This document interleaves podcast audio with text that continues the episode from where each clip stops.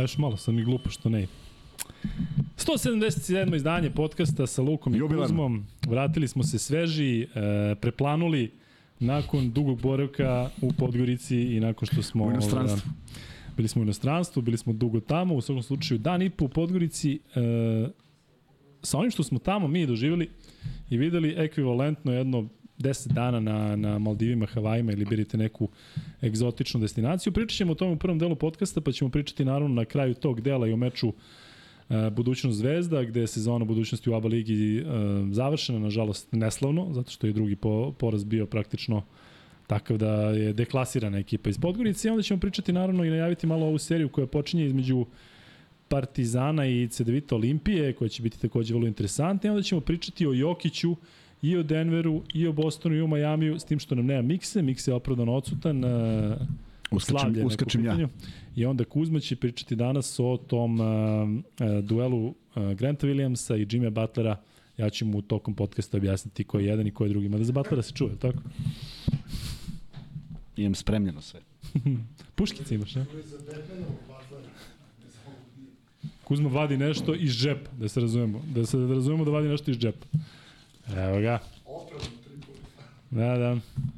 Jimmy Butler, rođen te i te godine. E,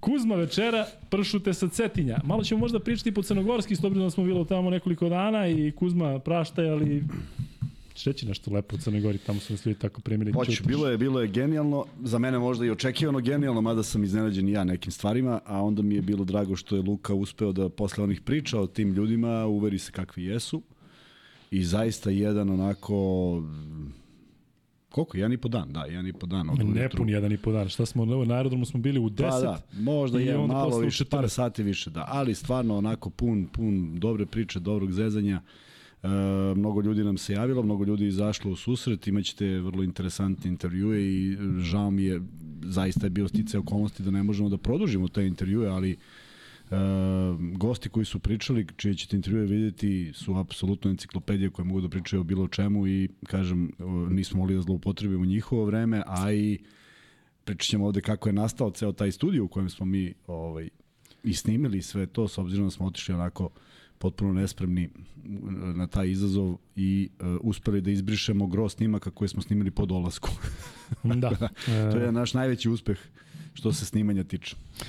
E, Kuzma, ja bih da pomenemo možda po imence neke ljude, a ti ćeš onda, ja kad ih pomenem, ti ćeš onda kažeš malo onako opširnije o njima, zato što si sa njima bližima, da ja posle ovog druženja zaista imam otisak da ih znam hiljadu godina i da kad god se sretnemo da će to biti onako jedno jedno, jedan lep susret. U svakom slučaju, krenuo bih od čoveka koji je napravio taj studio. Dakle, Kuzma i ja smo otišli sa našim telefonima i sa veljenom kamerom koju ne znamo da koristimo i došli smo tamo i hteli smo da pravimo razgovore. Nećemo da kažemo s kim smo napravili intervjue da iznenadimo. Da, kasnije. da, da, da. Zato Napravili smo nekoliko preskočio. dobrih, dobrih intervjua u studiju koji je improvizovan u kafiću Green Mill.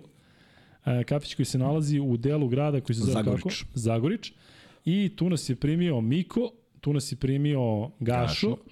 I e, tu nas je oduševio Željko. Željko je neko ko dole fantastično barata sa svim onim što ovde rade e, Srki jedan, Srki drugi, Miksa, naši novi drugari koji, koji su tu deo nove ekipe, dakle te neke tehničke stvari o čemu mi ne znamo ništa. Čovjek je bukvalno napravio studio u kafiću i e, pravili smo jako lepe razgovore. Željko Dragović je neko ko je ovaj, sve to, pritom tamo vam ne daju da bilo što uradite. Vi kažete, e, misli smo ovo, oni već završe za 5 minuta. Gašo i Miko su zaista bili fantastični domaćini, oni su prvi sa kojima smo se susreli. Tako je, i oni su, oni su ljudi sa kojima sam se i dogovorio da se viđamo i da krećemo sve to. Sećam, bio je praznik, pa su oni bili ovaj, e, slobodni. Željko se pojavio nenadano zato što e, imali smo problem sa kamerom, imamo ga i dalje, ne radi ton. Dakle, bili smo u onako strahu da ne snimimo nešto i da propadne zato što je lošiji ton, ne znamo zbog čega i nadamo se da ćemo to odgonetnuti, ali onda je Gašo došao na ideju da bi bilo zgodno da poželimo Željka da ga pitamo da li on ima kameru. I pitali smo ga da li možda ima jednu kameru. Tad je čisto počelo. Da, tako je počelo, da. I onda je Željko došao sa jednom torbom kam, u kojoj se nalazi kamera i sa stalkom. Jer kaže, kako sad kamera bez stalka? Ok, možemo i to da... Popeli smo se gore na taj nivo koji je u jednom izuzetno lepo uređenom kafiću na kojem je na jednom zidu Kobe Bryant i njegov dres i šta ja znam. Svašta nešto ukusno, da. da. Shvatio je da je mračno. I onda je seo u kola, otišao po još jednu kameru i otišao po rasvetu. I čovek je za nekih 45 minuta napravio celokupan studio ovakav kakav otprilike mi imamo ovde. Da. Za 45 minuta fantastično je izgledalo, o, sa dve kamere smo snimali, ton je besprekoran i što je najsmešnije, Luka i ja smo sleteli u Beograd, to je dakle 4 sata juče i u tom momentu je stigao mail sa svim montiranim materijalom. Tako da, bez željka, a pritom sve to ništa nije bilo teško, nego otprilike kao da je to negde planirao. Tako je delovao, kao da je ovo nešto što se dešava svaki dan i zaista veliko hvala. Mi bismo sigurno napravili nešto, ali ni približno slično tome što smo uspeli. Da, Podgorica je e, grad gde smo zaista za dan i po prošli dosta, ali taj prvi dan smo mahom proveli u Green Millu, malo pili, malo pričali, malo pričali sa našim gostima koji su zaista imali zanimljive priče, svi vi koji se sećate nekih e, možda boljih vremena za košarku, a onako nezgodnih vremena što se tiče šta je sve prošla ova zemlja i ovaj region, Biće mi jako zanimljivo. Tako da smo pričali i o prošlosti, i o sadašnjosti, i o svemu i svačemu i te intervjue ćete pratiti u onom periodu kada ćemo malo manje raditi, ali ćete ih pratiti ne u live-u, nego kao premijere gde ćete takođe moći da se e, među sobom dopisujete, ali ono što treba reći to je da je tako počeo e, naš e, podgorički road trip i onda smo već krenuli da se pripremamo za utakmicu. Utakmica je bila u utorak uveče, dobili smo zaista fantastične pozicije. Da, Gaša Pajović, čovek koji je i dalje u klubu, nam je omogućio da, da uživamo zaista u, u, u pogledu. Sedeli smo u tom prvom redu do, do terena, e, očekivali jednu neizvesniju utakmicu, očekivali ono što, što, smo, što je Luka čak i najavio kad smo radili neki uživ onaj odlazak na utakmicu. Morao si da kažeš. Ja rekao utakmica na jedan ili dva poseda i dodate Ali nulu, je falo, nulu dodate i toliko. Ali stvarno smo očekivali i prvi put kad smo išli i sada, pogotovo što znam kako, kako dolje, dolje, dole, Dolje, dolje, ja. Dole ljudi reaguju, međutim izostalo je sve to i zaista mislim da pričat ćemo posle utakmice, ali taj jedan, jedan zaokret koji su konstatovali naši svi sagovornici, sutradan se pojavio i Saša Ivanović, koji redko viđaju u medijima, tako da je onako na pravilnom pravi užitak proveo celo prepodne sa nama, ovaj bivši igrač budućnosti takođe. E, jednostavno, konstatacija svih je bila da je ovo bio ovako jaka zvezda i ovako jak partizan je bio moment za zaokret ka možda stvaranju neke nove priče crnogorske, nekih nekih novih talenata kojih definitivno smo shvatili da imaju u Podgorici, u klubu Podgorica, da ima i u studentskom centru, da sigurno ima i po manjim klubovima i da se nekako krene u nešto novo. Ovako, zaista mi deluje, jer ovo nisam doživeo u Podgorici za te tri godine, ne znam da sam ikad kao gost odlazio da su navijači budućnosti napustili dvoranu. To, to ne pamtim ni u, ni, ne znam u kojim danima. Naši sagovornici su pričali, sagovornici su pričali o tome kako je bilo momenata i za ispadanje i nikada se to nije dešavalo. Dakle, možda iz ove sezone treba izvući neke pouke i napraviti nešto drugačije. Jesmo na ekranu? Jesmo. Jesmo. E, da, ja moram da kažem, evo javlja se Beast from the East, to je izgleda momčić koji je samo mi potvrdi momčić koji je bio ovde iz FNP-a i koji je ovde ušao i rekao da je ovo stvaranje sna, kaže gosti 149. E, podcasta, ako si ti. Pominjali smo te u Podgorici zato što smo baš imali ovaj, lepa sećanja na taj moment kada si ušao ovde i kad si rekao koliko si oduševljen. E, takve smo situacije imali dole. Dakle, upoznali smo nekoliko momaka, mnogi sreli, snimali su nas usput, zaista smo imali status nekih zvezda, a mi se zaista ne osjećamo tako. Kuzma jeste neko ko je tamo ostavio fantastičan trag i dalje ga ceni, i dalje ga poznaje. Međutim, što se tiče ove mala, mlađe generacije, oni zaista prate podcast da, i da, najviše da, da. nas je oni znaju kroz to, tako je. Najviše nas je oduševio momak koji je došao pred dvoranu da bi se slikao sa nama. Pritom nas je, koliko sam shvatio, čekaju u kraju gde smo bili, pošto smo mi rekli javno u kom delu smo Podgorice u City kvartu. kvartu. I toliko nas je to oduševilo da je zaista jedan od lepših momenta tamo. Slikali se sa mnogima, pričali sa mnogima, videli mnoge. Bio jedan momak koji je u dvorani dok smo mi radili live e, pored terena. Gledao. On je mahao ovaj, tamo preko puta dijagonalno dvorani kako prati taj live uživo. Tako da eto, vi koji niste e, sa nama na Instagramu možete da se, da se subscribe-ujete ili možete čak ni da se ne subscribe-ujete, ali pratite to što tamo postavljamo zato što će biti sve više live-ova i sve više interesantnih stvari zaista za ovaj period kraja sezone i među sezone spremamo sve i svašta i sada smo pričali o tome, a da se vratimo na Podgoricu, Kuzma, e, ti tamo prvi, ali zajedno ideš ulicom i malo malo pa setneš nekoga i malo malo pa se s nekim ispričaš, da, prosto nevjerojatno. Da, zato što je taj grad zaista živeo za košarku i zato što ovaj, smo ostavili jedan ozbiljan dobar trag iz prostog razloga što se igrala možda i najbolja košarka. Ovo sad ne treba da bude nešto pretrano skroman ili neskroman, ali mislim da smo doneli Euroligu u Podgoricu da su to godinama krčili igrači koji su bili sastavljeni uglavnom uh, iz lokala.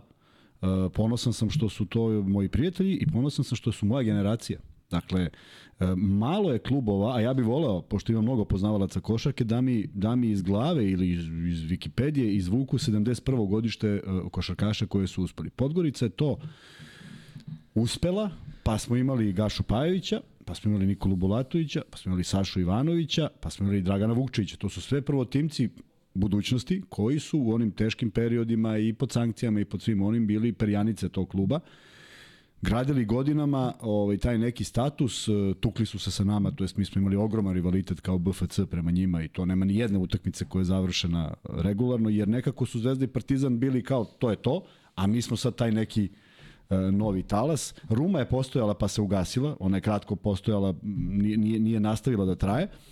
I onda se dešava taj jedan, jedan veliki pomak, veliki iskorak budućnosti kada se okupljamo 99. godine i stvaramo jedan zasigurno najmoćniji tim na ovim prostorima, bez lažne skromnosti. Čak i sebe da izuzmem, uopšte nisam bitan koliko, koliko kad staviš prvu petorku i pogledaš drugu petorku, to su konstatacije mnogih mojih e, savremenika i konstatacije mnogih ljudi koji su došli posle nas da su to bile teže, teže igrati 5 na 5 na treningu nego u nekim momentima odigrati utakmicu. Tako da je te tri godine apsolutno publika živela za sve to, to je bilo karta više, to su bile praćene utakmice, to je bilo Uh, ako si video sad prepoznanje, to je bilo bukvalno na svakom koraku gde neko hoće da ti plati kafu, gde neko hoće samo nešto popriča i tako ne, dalje. Ne, ništa da platimo. Dakle, otac da. Vladimira Dašića, za kome smo rekli, koji nas je sreo, koji je rekao, ma ajde da doručkate, mi rekli doručkate, ma ajde da jedete, ne. Dakle, 10 puta iz najlepše moguće. Ajde, ajde, ajde, molim vas. A mi bukvalno, jeli, idemo, treba navijem da idemo. Dakle, čovjek toliko divan, a ni jedini, možemo da damo još milion primjera. Kuzma, ovde bih se zadržao na tom našem ovaj, putovanju odnosno našem boravku u Podgorici, zato što sam hteo da te pitam nešto. Pričali smo tamo i o ovim intervjuima, međutim, zaista ta generacija 7-1, pa i kasnije, E, što se tiče Crne Gore bila fantastična. E, nebitno sada kakav je moj ili tvoj stav o tom razdvajanju države koje se desilo 2006 ili 2007. Ali šta recimo da se da se Crna Gora odvojila 95. Oni bi zaista imali fantastičan tim, fantastičnu reprezentaciju gde je bilo i mnogo onih koji su bili u prvom timu Jugoslavije i bilo mnogo onih koji su e, koji su bili na širem spisku. Međutim, e, takva je situacija bila kakva je bila. I ono što ja mislim, svi su na lokalu, svi se poznaju, oni bi zaista izašli na teren kao reprezentacija, ali negdje gde nema nekih nepoznanica, kao danas imaš jednu na koleđu, pa imaš jednu u NBA, pa je sad... Da, bilo je homogeno prilično. Tako je, i onda bi bilo jako interesantno videti ih kako, zato što oni, recimo, većina njih nisu dobili priliku da igraju za nacionalni tim, zato što kad je došlo do dvanja, nisu da, bili da, u da. Jugoslavi, da. nisu Šćepa, mogli da igraju. Šćepa je bio još uvek yes, igrački, i Drobnjak možda, ali, ali gro njih nije. Ali kad razmišljaš Buli koliko je bio u reprezentaciji 9-7, da, 9-8 da, da, i tako, tako ti igrači, e, sve što si pomenjao, Radonjić, Gaš, Ali znaš šta bi se desilo? desilo bi se isto što se desilo sada. Gledaj, uh, smanjenje tržišta, smanjenje kvalitetnih timova, dovodi do, može da bude ta generacija strašna i može da dominira, ali ne stvara se više. Gledaj, u moje vreme, uh, boravka u Podgorici, ja ne mogu ti objasnim te talente koji su bili u juniorskom pogledu. Po, po meni nekim.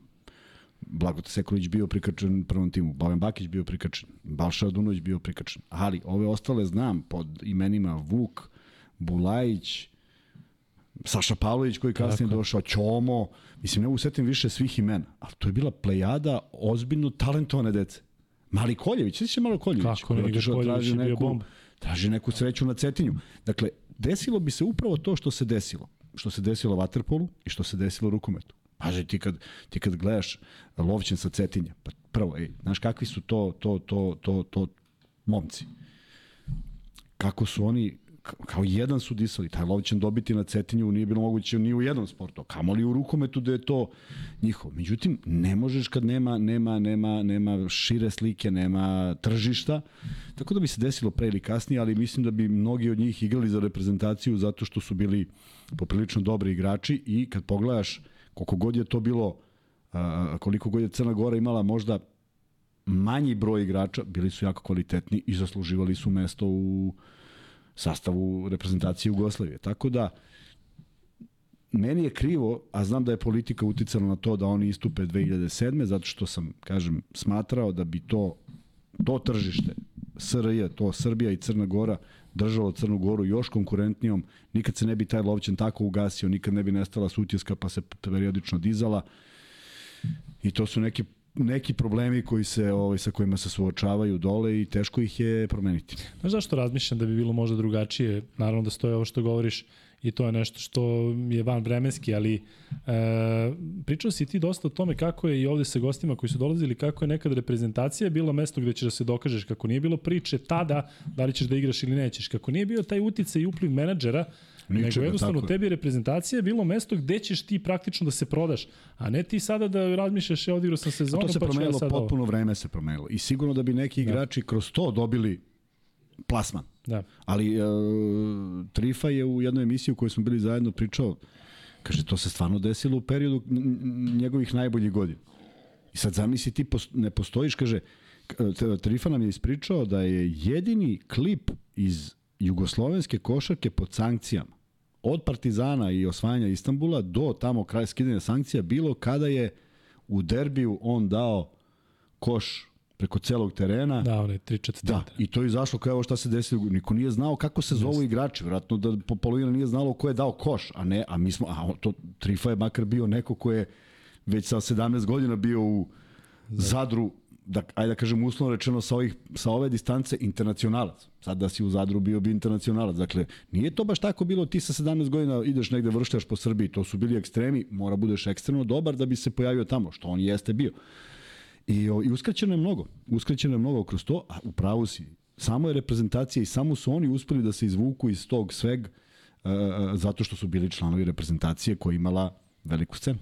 Da, neki od ovih ljudi e, koje smo pominjali moći ćete da čujete i u tim intervjuima koje smo napravili dole. E, takođe, ono što smo između ostalog pričali jeste, ma, najmanje bilo u košarci, u smislu ovako da sedimo, više o svemu i svačemu, ali smo saznali kako funkcionišu neke stvari u crnogorskoj košaci, odnosno kako funkcioniše i liga dole, ko su favoriti, e, gde ima nekog potencijala, gde možda ima više nekih mogućnosti. I recimo kada smo pričali sa jednim od e, dole naših, ajde da kažem, domaćina, pa smo pričali o toj mogućnosti šta da recimo iz ABA 2 lige u ABA 1 ligu pređe još jedan crnogorski tim. Onda je bilo četiri tima iz Crne Gore, što bi možda bilo i previše, zato što su tu budućnost, Moran, studentski centar i je recimo četvrti tim da se pojavi. Možda bi bilo na, na ovakvu ligu sa ovakvim brojem uh, klubova, možda bi bilo to i premnogo. Ali, eto, da se vratimo na ono što se dešavalo dole. Na kraju ćemo da pričamo o utakmici o samoj košaci. U svakom slučaju, kada smo završili e, boravak u Morači, gde sam ja bio prvi put, Kuzma mi je tokom meča pričao e, kako to izgledalo ranije, šta se promenilo, koji možda delovi tribina su dodati da bi budućnost mogla da igra Euroligu, odnosno da bi ispunjavala uh, uslove, ali moramo stvari da se vratim na još nešto Morači kada smo pričali sa Đorđijem Šljivančaninom, koji je igrao za, je li tako, Kuzma, lepo sam rekao, Đorđije da. Šljivančanin, koji je Slobodanov sin, uh, Slobodan Šljivančanina, koga verovatno uh, svi poznajete kao ozbiljno košarkaškog radnika decenijama unazad. Uh, pričao sam sa njim i ono što me oduševilo je da je igrao za UNLV, a ja sam nosio majicu UNLV, Kuzma nosio Luka i Kuzma. Ove, e, u svakom slučaju, momak je igrao za UNLV i živi u Las Vegasu, na mestu gde sam ja živo u istom kraju, što je potpuno neverovatno da živi u Vegasu. I to je kao recimo da u Beogradu živi u nekom kvartu gde nema puno ljudi i tako smo se lepo ispričali, što je zaista bilo fenomenalno. Kuzma, ja ću da otkrijem još jednu tajnu, tebi je prišao uh, sin, uh, ajde ti ostalo. To je bilo genijalno, završava da. se utakmica i sada ovaj, gro publike je već izašlo, nema nikakvih onih skandiranja i gledamo sad, pošto ajde da ostanemo, dobili smo dobra mesta i glupo je da izlađemo tamo među prvima. Ostali smo pola sata na mestima da, da, da, i nakon meča zašto su dobra mesta. U ostalom Gašo, Gašo o kojem pričamo, Gašo Kadić, on radi za zapniški stolom. To je onaj sedi gospodin koji od rođenja sedi i negira to uspešno već 50 godina. Ovaj, on je, o, čekali smo se vidimo s njim i odjednom vidimo da se Duško Ivanović pozdravlja sa bukvalno tri reda iza koša i shvatimo da su to sve rođaci, da bi u jednom momentu jedan od tih momaka, onako 30 kusur godina, prišao meni i kaže samo da se javim i ja sad pomislim da je da je ovo neka priča, sedi i sluša i kaže ja samo da se javim a, nekada davno na utakmici u Nikšiću. utakmici u Nikšiću sam vam sedeo u krilu. I ispostavi se da je to sin Dragana Ivanovića, brata Duška Ivanovića, koji to pamti jer je tad imao 5, 6, 7, 8 godina. I, o, i oduševio sam se jednom, jednim, jednom neverovatnim pristupom i toliko mi je bilo drago da eto, o, vidim tog čoveka, nisam mogu da sanjam ko je, naravno meni to nije ostalo u takvom sećanju kao njemu, ali Ovi, kaže, eto, samo sam teo da se javim i baš sam se onako nekako dobro osetio zato što a, koliko god mi, kakva god mi predrasudi, kakva god mišljenje, razmišljanje imali o tome, vidio si koliko su slobodniji u nekom pristupu. Kako ne? Vidio si koliko je to nekako jednostavno, ej, ovo je ono. Ma da. Tako da, eto, onako, baš lep moment i baš mi je drago i setio sam se te utakmice koje ima i na YouTube-u čak. Ovo, mislim da je pola koša za nas, za bele, valjda. Ne vidi se kada sedi u krilu, ne vidi se. Taj deo ne možemo da potvrdimo na, na YouTube. Taj deo ne možemo potvrditi. Posle utakmice smo otišli nazad u sobu, već je bilo kasno, pre toga smo nešto klopali, e, spavali i sutra ujutru je naš domaćin bio Saša Ivanović. Saša Ivanović je neko koga se sećate verovatno kao nekoga koji je imao fantastične fizičke predispozicije. On je mi napričao toliko fantastičnih stvari, nažalost nisu zabeležene kamerom zato što su onako i malo slobodnije i on je hteo mnogo medijski da se eksponira, ali je bio zaista fantastičan sagovornik, fantastičan, kažem, domaćin, zato što ovaj, je bukvalno se, ma, bukvalno. Niko, da... Niko, Gašo i Saša su bili domaćini u svakom smislu. Željko je bio čovjek koji je učinio eto, neke neverovatne stvari. Uh, bili su nam tu Dragan i, i Milutin, koji su došli da nas vide, da nas upoznaju zbog podcasta i naravno oni su oduševili kao i mi njihovim. S njima smo baš pričali, nismo ih samo sreli da, pa razmeni, nego su došli da pričaju. su nama i oduševili što sede i nama bilo drago što su oni tu i sve neko ispalo dobro, mnogo još poruka je stizalo. Dragan mi je rekao da dolazi na ovaj meč u Beogradu koji spremamo. Da, da. tako, tako da je da, ovaj, eto, jedno, jedno zaista vredilo je otići, a ovaj, stvarno uz obećanja da ćemo ponovo da se pojemo dole, jer sve je bilo kako treba, naravno bilo bi zgodno da imamo neki povod, ali da ga nemamo, otići dole i videti se ponovo sa ovim ljudima je nešto što je poprilično dobra stvar. Da, i odvezli su nas na aerodrom, mi smo krenuli za Beograd, e kada smo već kod leta, moram da kažemo šta nam se desilo na polasku u Podgoricu, odnosno kada smo letali iz Beograda za za dole uh, i da se zahvalimo, ali smemo da kažemo javno, smemo, Stevanu. Stevanu Rašincu, da. Stevanu da. Rašincu, dakle ušli smo u avion, sve redovno, sedimo na sredini aviona i prilazi stewardesa i prilazi samo nama i kaže Kuzmanović i Spasojević, što je, razumemo na koga misla, i kaže šta ćete. Da, šta god želite, kaže izvolite, Rekao je, molim, kaže, vi ste prijatelji leta i možete da naručite šta god hoćete. To su letovi od po pola sata gde nema, oni daju vodu i sve ono rutinski ali smo imali jedan fantastičan tretman i gospođa koja sedeli smo danas kaže, izvinite, ja bi kafu i kaže, ne, ne, ne, ovo, je samo ovo je samo za naše prijatelje leta. To nije bilo u povratku što Na smo očekivali. smo posebno kivni. Da, tako da smo očekivali, ja sam već planirao da uzmem neku fantu hladnu, ovaj, ali nije bilo, šalimo se naravno, Stevane, hvala puno i radujemo se ovom projektu u kojem ćemo učestvovati, o čemu ćemo pričati nešto kasnije, ali Kuzma, to je bio onako baš lep početak da. putovanja, iako smo iako malo bili kasnili, onako da. da. A znali bismo mi da je Stevan, da nismo na samom čekiranju predaji pasoša sreli mog obdaništanskog druga, Dragana Peskarevića, kojeg nisam vidio x godina, ali isti lik, sećam ga se dan danas i pričamo i onda smo imali sumnju da li je on ili ovaj, jer su obojica ovaj, zaposleni u Jatu i e, Dragan je leteo za Španiju a mi smo išli ovamo, a i, i, a i Stevan je išao negde, ali nismo se sreli. Tako da nismo znali ko je, danas mi se javio Stevan i shvatili smo, ovaj, čim sam vidio poziv, shvatio sam o da. čemu da. se radi. Sjajan potez, hvala Stevane, ali interesantno je bilo kad smo izlazili iz aviona, pošto smo mislili da nas je možda neko od pilota naših tu prepoznao i mi se sad javljamo tamo hvala vam puno, hvala vam puno, nemoj, nemoj pojma čemu se radi.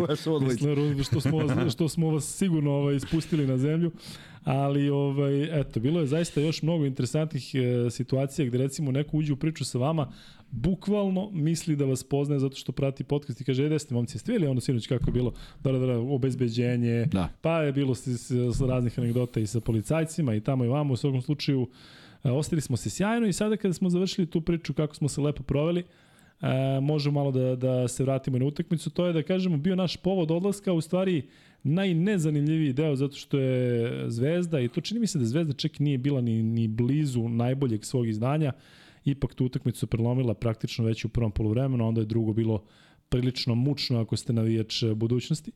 I Kuzma, to je praktično bila um, replika, praktično bilo pod copy-paste utakmice koju smo gledali u Beogradu. Tako je. I nismo očekivali to, zaista. Bez obzira što smatram da je Zvezda jača i ja sam ovde i rekao da i u nekim intervjuima sam rekao da bi me stvarno iznenadilo da sad tu bude neki preokret, ali sam davao neku šansu da to bude daleko bolja utakmica, bolje izdanje, međutim, zaista u jednom momentu mi je bilo žao Petra Mijovića, mislim da je on imao osjećao i obavezu i dužnost da preuzme ekipu, mislim da u nekom u nekim drugačijim okolnostima možda to ne bi uradio, možda bi to malo ko uradio. E, strašno je kad vidiš da je njemu najviše stalo i tih par igrača koji su iz pogona budućnosti koji su crnogorci, koji su manje mnogo minuta na parketu i jednostavno jedna nezainteresovanost pokušao je, sećaš da je imao tri time-outa u, u, u tri napada, ne bi li nešto promenio. Tako je, da, sva tri bukvalno u, u tri, kako Zvezda da koš, on uzme time out i to nije polazilo za rukom i onda jedna agonija koja izgledala tako kad smo ja i Luka prokomentarisali, videli da je 30 kusu razlike i konstatovali da je ostalo još minut i po treće četvrtine. Jer da je nekako četvrta i da je kraj, pa kažeš svima laknulo i to je to, međutim ostala je ta jedna koja je bila poprilično mučna za sve, videlo se da, da, da igrače budućnosti ne dotiče to preterano. Posebno strance. E, strašno je bilo, strašno.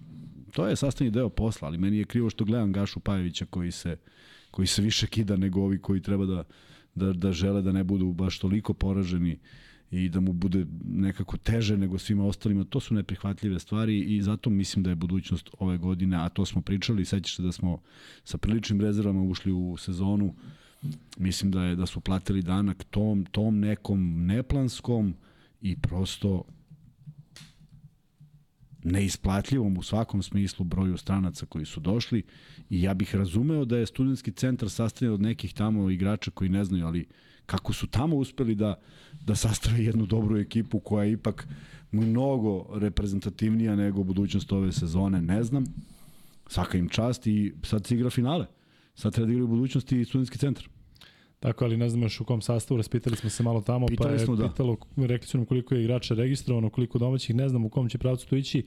Studentski centar koji je duševio protiv Partizana i sigurno da sa dobrom energijom ulaze u sve to i budućnost zaista koja je onako e, sa priličnim, rekao bih, bolom nakon svega što se dešavalo u dvorani, zato što je publika napustila, Varvari su napustili da. su svoje mesta, vređali, pre kraja treće četvrtine. Vređali sve, praktično onako sve vreme, naravno ona e, standardna e, standardni repertoar kada gostuje neko, neko poput Zvezde, međutim onda se to prelilo na domaće igrače.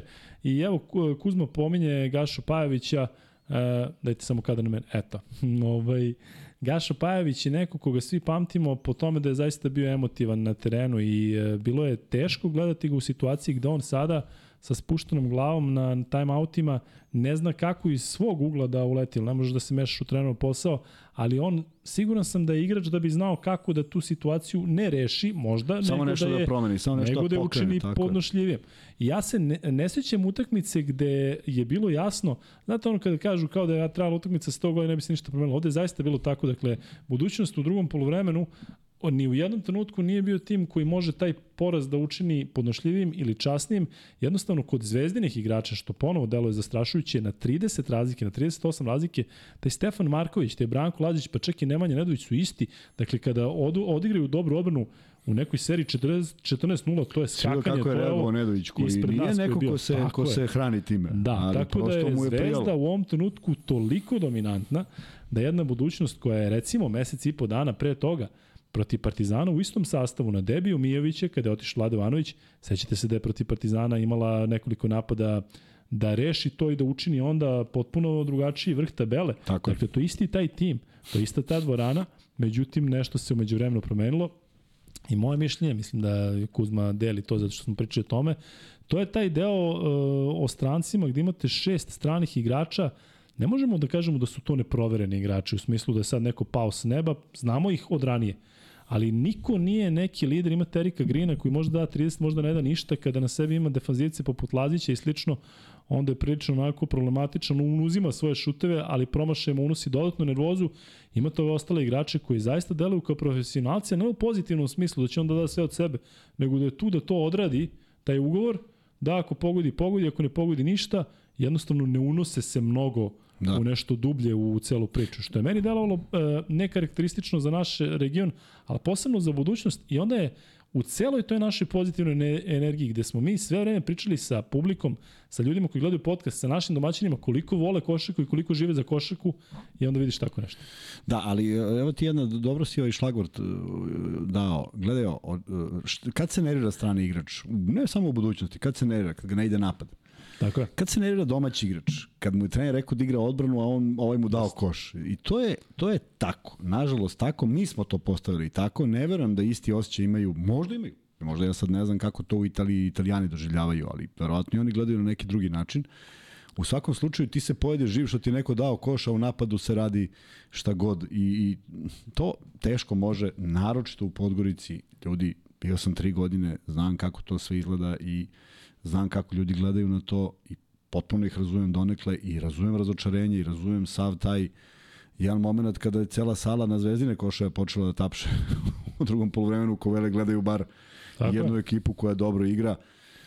Uh, šteta, šteta za ovu još jednu sezonu koja je prilično slično izgledala kao prošla iz onog aspekta da su neke vrlo bitne utakmice za ABA ligu izgubljene, da je onaj moment kada budućnost treba krene ka top 3 i da osigura domaći teren, oni izgube baš tu utakmicu koja ne sme da se izgubi, dođu u situaciju da igraju gostujući teren, a svi ljudi s kojima smo bili prate dovoljno košarku da su zaista smatrali da ove godine napraviti ekipu pristojnu za top 4 Evrokupa je bilo izvodljivo. Da. Jer oni znaju mnogo bolje budžete od nas, znaju koliko je para otišlo za ovo i verovatno mogu da preslikaju da je negde moglo i bolje da se ovaj, reaguje, da se kupe neki drugi igrači i da to bude uh, u svakom smislu bolje.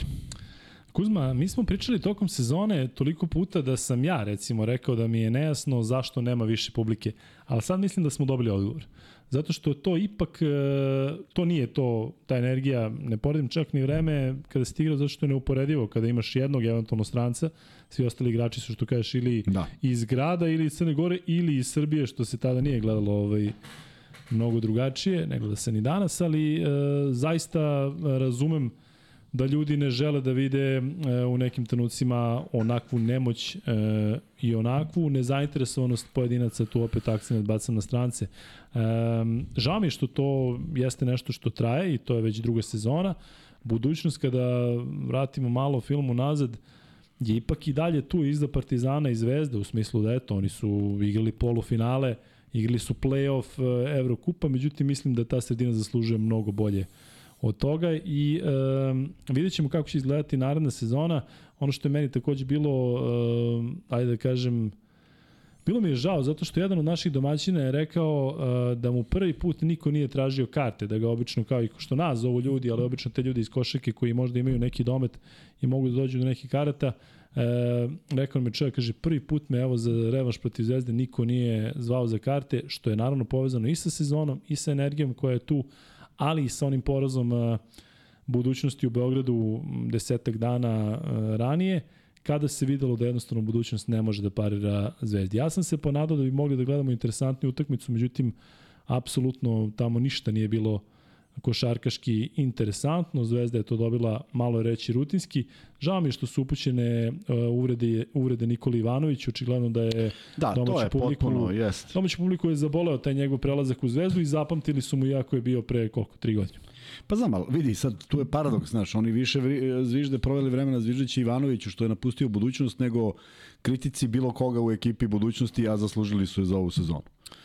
Da. Kasnije, to je, to je sad postao deo folklora, to, ali ja mislim da nema razloga. Pritom, e, zaista, e, jako teško nešto možete sakrijete u Podgorici. I ako se od nekom pročuje nešto i to se jako teško zaustavlja. Ja nisam, ni od koga, čuo jednu lošu reč za Ivanovića. Prosto, znaš, našao bi se neki koji ga ne voli. Ne, nemaju uopšte šta da kažu. Sav je bio po pesu, jeste otišao, ali to je bio iskorak u njegovoj karijeri, jeste to negde zabolelo, jeste budućnost postala uh, konkurent Zvezdi i Partizanu, naročito one sezone kada je, kada je ovaj, uzela titulu. Svi se sećamo Ivanovića kojeg mi ne gledamo s manje simpatija što je zviznao trojku preko celog kada je Crna Gora pobedila Srbiju. Pa niko nije nikoga ne doživljava kao vi šta je uradio, igrao je za svoju reprezentaciju i potpuno normalno. Tako da, eto, apel, apel da se malo smire strasti, jer glupo je dočekati ga sledeće godine. Posle ovakvog jednog učinka, ja ne znam kako bi trebalo uopšte ovaj, razmišljati, jer mislim da je on jedna od redkih svetlih tačaka budućnosti unazad nekoliko godina dok je nastupao za budućnost. E sad, samo malo da napravim preki što se tiče ove priče, pa ćemo se vratiti naravno, vidim da ima i pitanja, ali uh, E, Kuzma i ja smo ranije bili samostalni, mogli da odlučujemo o svemu, međutim sad imamo šefa. A šef kaže, šalje poruku da lajkujte i, e, i subscribeujte se. E, šta još da radi šefe? Facebook da prate, Instagram da prate, ali evo sad dok smo ovde, like, subscribe, kažem na Instagramu zaista ćemo imati, imali smo iz Crne Gore, imat ćemo još vrlo interesantnih stvari iznenađenja, ali što se tiče ove sada priče, znate kako funkcionišemo kada dođemo do 500 lajka, idemo na prvi max bet free bet, s tim što će to vratno ići sporo, zato što vidim da ima dosta vas koji gledate finale kupa u futbolu, to i dalje traje, a? E, tako to bi trebalo da je u toku, ali e, rašće broj sigurno vas tokom e, samog, e, samog podcasta. Recite nam, da, da li je bar nekakvo finale? Evo kažu ovde da je neki gol pao, A, mrki pa, mrki, onda, tako da, da, onda, da ne prelazimo na futbal. Previše mi je čisto ova priča košarkaška. Da. Tako da evo, da pozdravim Luču kapitena koji kaže Luka Carevi, ste ispratio sam svaki live iz Crne Gore. Ali mi utisak ostavila prazna hala, opet nije budućnost imala toliko lošu sezonu da ne računamo zvezdu, neki komentar. Jeste, nije bilo toliko čak prazno, bilo je praznih mesta, ali recimo ovaj deo gde su Varvari bio potpuno ispunjen, ovaj deo iza nas koji smo sedeli preko puta klupe je bio skroz ispunjen. U ovom mestu, na ovoj tribini gde su ona glavna loža je bilo malo praznih mesta, tako da posećenost je bila uh, ok, nije bila puna dvorana, ali kažem povezano verovatno sa tim što niko nije verovatno verovao da budućnost može da prođe dalje, ali da, da su očekivali više, jesu. Jesu, da. E, tako da, eto, to je što se tiče toga. Pozdrav za jednog Dejana, drugog Dejana, pozdrav naravno i za e, Nikola Ivanovića koji nas gleda sa Bečkog aerodroma. E, Neksi Red Star kaže Mirotić i Kalinić u Zvezdu, o tome ćemo pričati, bit će prilike da o tome pričamo. Da. E, vidim da ovde pominjati Čabarkapu i neki igrače koje Radovića koje nismo pomenuli u onom periodu kad smo govorili o Crnogorcima koji bi bilo Da, Čabarkapa je došao iz Beopetrola i da. onda on je iz Renjanina čovjek. Mislim, on je mogao verovatno po, po, ovaj, po ocu da igra za Crnu Goru, ali on je došao iz faktički Srbije u u Crnogoru, ali da, i pojavio se u budućnosti, bio izuzetan talent i odatle faktički otišao u NBA, ali tako? On je odatle prešao Jeste. u NBA, tako da... Radović je još jedan bivši NBA igrač, dakle bilo je tu i tada NBA Ko? igrač. Radović, Aleksandar Radović, sećaš se onaj viski što igra za Toronto. Dva, Radović, Radović, Čića Radović. Da, da. da, da.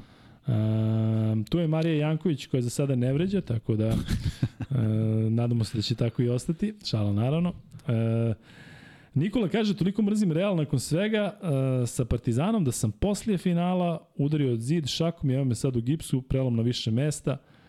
Žao mi je Nikola što je tako, ali uh, zvuči možda suludo, ali razumem te. Šta da ti kažem, samo se pazi. Najgluplje da tako prođe. Ej, da. Zvuči suludo, ali da, da. nosim i ja gips. Rok Stipčević završio karijeru, vredi ga yes. pomenuti. Kuzma, kako pamtiš Roka, ste zakačili? Ne pamti ga nešto pretredno, iskreno, majke. On kad je imao 16 godina mogao je da vidi. Pa koliko ima godina? Ne, a, on je mogao je on mlađi. A nisam, nisam imao gde da pratim. Rok Stipčević, ja ga pamtim po tome da je imao veliko srce i da je znao da pogodi trojku kad treba i da je imao, da kažem, onu stvar da završava.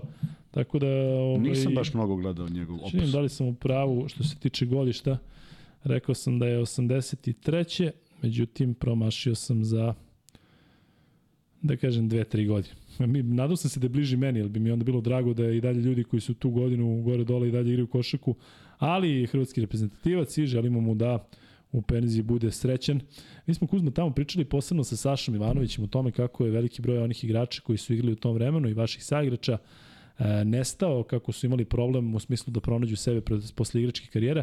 Koliko je zaista teško da se da se čovjek e, prebaci sa toga da je finansijski obezbeđen, pa da onda uđe u, u, u tu uh, nemirnu vodu gde ne zna šta će sa sobom, a nema verovatno ni obrazovanje kao većina igrača u smislu koji nisu mogli da završi fakultet, niti možda neku ideju šta bi radio. Odmah ću ti ispričati to, samo da konstatujem da mi Miloš šalja da je 74, 74 iga Igokeja Borac Banja Luka koji svi čekaju za, za nagradnu igru. 74, za 74 da u produžetku je. U produžetku. Ludilo, potpuno ludilo. Potpuno peti ludilo peti i sme se, da, i sme se. Zlatibor. Šta? Da nam je Zlatibor onaj bre što stoji ovde. Zlatibor onaj je maket. Eto šta nam radi. Srki, gde je Zlatibor? Bez, bez, gde je Srki? nema nikog, ni Zlatibor, ni Srki. Um, Stvarno nema Zlatibor. Srki, tuli si, Srki. Nema ovde, Srki. Tu su samo naši drugari koji su na probi, a rade posao već fantastično. Naćemo, da, imamo onaj Zlatibor koji treba da stoji, neće se ljuti naši drugari iz Galensa, to ovaj, Imali je novo. problema. Evo ga iza, evo ga iza Kuzma, tamo. Iza, iza, iza, eto ga, koliko ruku ima Kuzma, mislim da mogu i ja da dohvatim odavde. Ali evo ga Zlatibor, dakle, pretpostavljam da dosta vas čeka i Gokeu. Uh, daj ovde da nema refleksiju. Evo, dobro, dobro, ne, evo, ček, ček, ček. ček, vidim ja, vidim ja. Evo ga. E, tako. Ovaj, A sad ima i onaj drugi, kadar, Ma, savršeno, ja to kad namestim, to je neviđeno. što imaš osjećaj. E, ajde da, da se vratimo na to. Da, Da. čuo si nekoliko verzija, tako?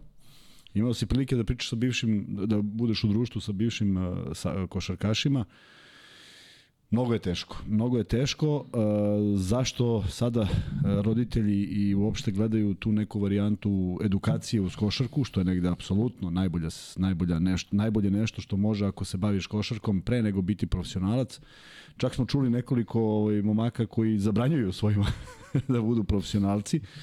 I nismo mogli da neke argumente Ne možeš imamo, tako je. da. Argument ne možeš da pobiješ i stvarno je teško snaći se. I sad tu ide nešto što se zove i gde si odrastao i način odrastanja i škola koju si prošao i šta te interesuje u životu i društvo koje imaš i tako dalje. Znaš, nisu svi imali tu neku privilegiju, mnogi su mladi promenili sredinu, što je uvek pogubno, kako god, gde god da dođeš, to može da bude jedan ili drugi pravac. Pričali smo o nekim našim saigračima s kojima smo imali prilike da, čije smo prestanke karijere videli zbog povreda, pa vidiš koliko je tek to poremećeno kada se vrati. Znam mnoge ljude koji su imali velike stanove, pa malo manje, pa još manje, pa na kraju se smanjili toliko da, da, da ne mogu svi da stanu. Sve to donosi profesionalni sport i e, nešto što, što misliš da traje zauvek. Kada se okreneš, što je Saša Ivanović lepo rekao, kad se okreneš, to je samo jedan deo života od koliko godina. Evo ja mogu da ti kažem da sam igrao košarku od 90. do 2005. Ajde da kažemo da je to 15 sezona. Ja sam 15 sezona minus 4 OKK Beograda koji je bio amaterski, dakle igrao 11. E, 11 sezona si zarađivao novac. Koliko misliš da to može da bude i da kažeš uhuhu, ne postoji taj Ali ono novac? što si mi pričao, kada zaradiš, koliko god da zaradiš novca, ljudi misle, pa kako ti nije ostalo? Mislim, Ne može, kad, se, kad je prošlo, cela moja karijera je prošla već. Ja sam prestao 2005. sad je 2023. 18 godina, znači više nego što sam igrao je prošlo od tog perioda. Tu mu ne postoji, mislim, mi vidimo NBA igrači koji ostaju bez para, a ne nešto što je bilo lepo, od čega smo mogli da živimo, od čega si mogu da osmisliš život, a nije, nema što da traje beskonačno, prosto nije, nije izvodljivo. Da, znate da ja često volim da hvalim Ameriku i neke njihove sisteme, ali zaista što se tiče sporta, to što su povezali sa koleđom i stipendijama, da vi jednostavno tokom koleđ karijera stičete i znanje, na kraju dobijete neku diplomu koja može da vam koristi momentalno, a posebno ako imate neku karijeru pa posle, ovde kod nas nemamo takav sistem. Oni su, i to im čak nije bilo dovoljno, pa su neki NBA igrači i generalno čak i na koleđu, ali posebno u NBA-u imate sada kurseve gde se uče košarkaši kako da troše novac, kako da... Tako je, šta da radiš novcem, problem. tako je. Kako da koristite knjigovođu, koliki iznos od svoga, odnosno koliko procenata treba da se usmeri na jedan, drugi, treći pravac, zato što imamo bezbroj primjera onih koji su zaradili desetine, čak u nekim slučajima i stotine miliona i, I i ostali bankrotirali zato što su vodili živote kakve sada vodi ovaj momak Ja Morant. Vi ste videli verovatno onu fotografiju kada je on u striptease klubu i kada je ceo prostor sobe, odnosno te, te prostorije koja je slična ovoj, recimo da ima neki 20 kvadrata, ispunjen eh, bakšišom i novčanicama od 5 do 20, 50 dolara, što je prosto neverovatno, kažem, tu sliku možete i dalje da pronađete na internetu i onda je vlasnik tog striptease kluba rekao da je on za to veče potrošio više od 50.000 dolara. On koliki god da ima ugovor, koliki god ima ugovori sa sponzorima, tim tempom verovatno će jako brzo da ovaj da postane jedan od tih igrača poput Antona Vokira, Iversona i ostali koji su zaista imali mnogo, a sada nemaju praktično ništa. I sada su uglavnom u tim uh, ulogama da su savjetnici, odnosno govore kako su to ovaj, izeznuli da ne bi neko drugi to uradio. E, tu se pojavila i par ljudi koje znam iz Beograda i krenuli su u taj jedan projekat koji, kao i sve ostalo kod nas, kad treba da živi na tom nivou, uvek daš malo šanse za uspeh, koliko god smisla imalo. I naravno, nalazili su, e, sad ću ja tebe da plaćam za tako nešto glupo, otprilike svi znaju sve. I, ovaj, onda sabereš koliko je ljudi ostalo bez novca i koliko je sportista uh, i u futbalu i u košarci na neki način izmanipulisano, to je, ne znam im se broj. Uh, neki veliki majstori, uh, futbala, majstori Formule 1, sticam okolnosti, sadeo sam u društvu ljudi koji su se bavili, nji, bavili njihovim nekim transakcijama bankarskim, kažu da su to bile prevare tipa, znaš, najbanalnije, one, najseljački, imaš poverenje, imaš poverenja, tvoj čovek, tvoj čovek, on potpisuje, vi 20 godina zajedno i jednog dana kaže, ej bre, ono, aj potpiši majke ti za, za ovo i treći papir je ostavljam mom Žiki 25 miliona i nema. Taj potpis tu je završena priča, to što je on tebe namagarčio, to nema nikakve veze i kraj. Kuzma, koji su putevi profesionalnog košakaša nakon karijere?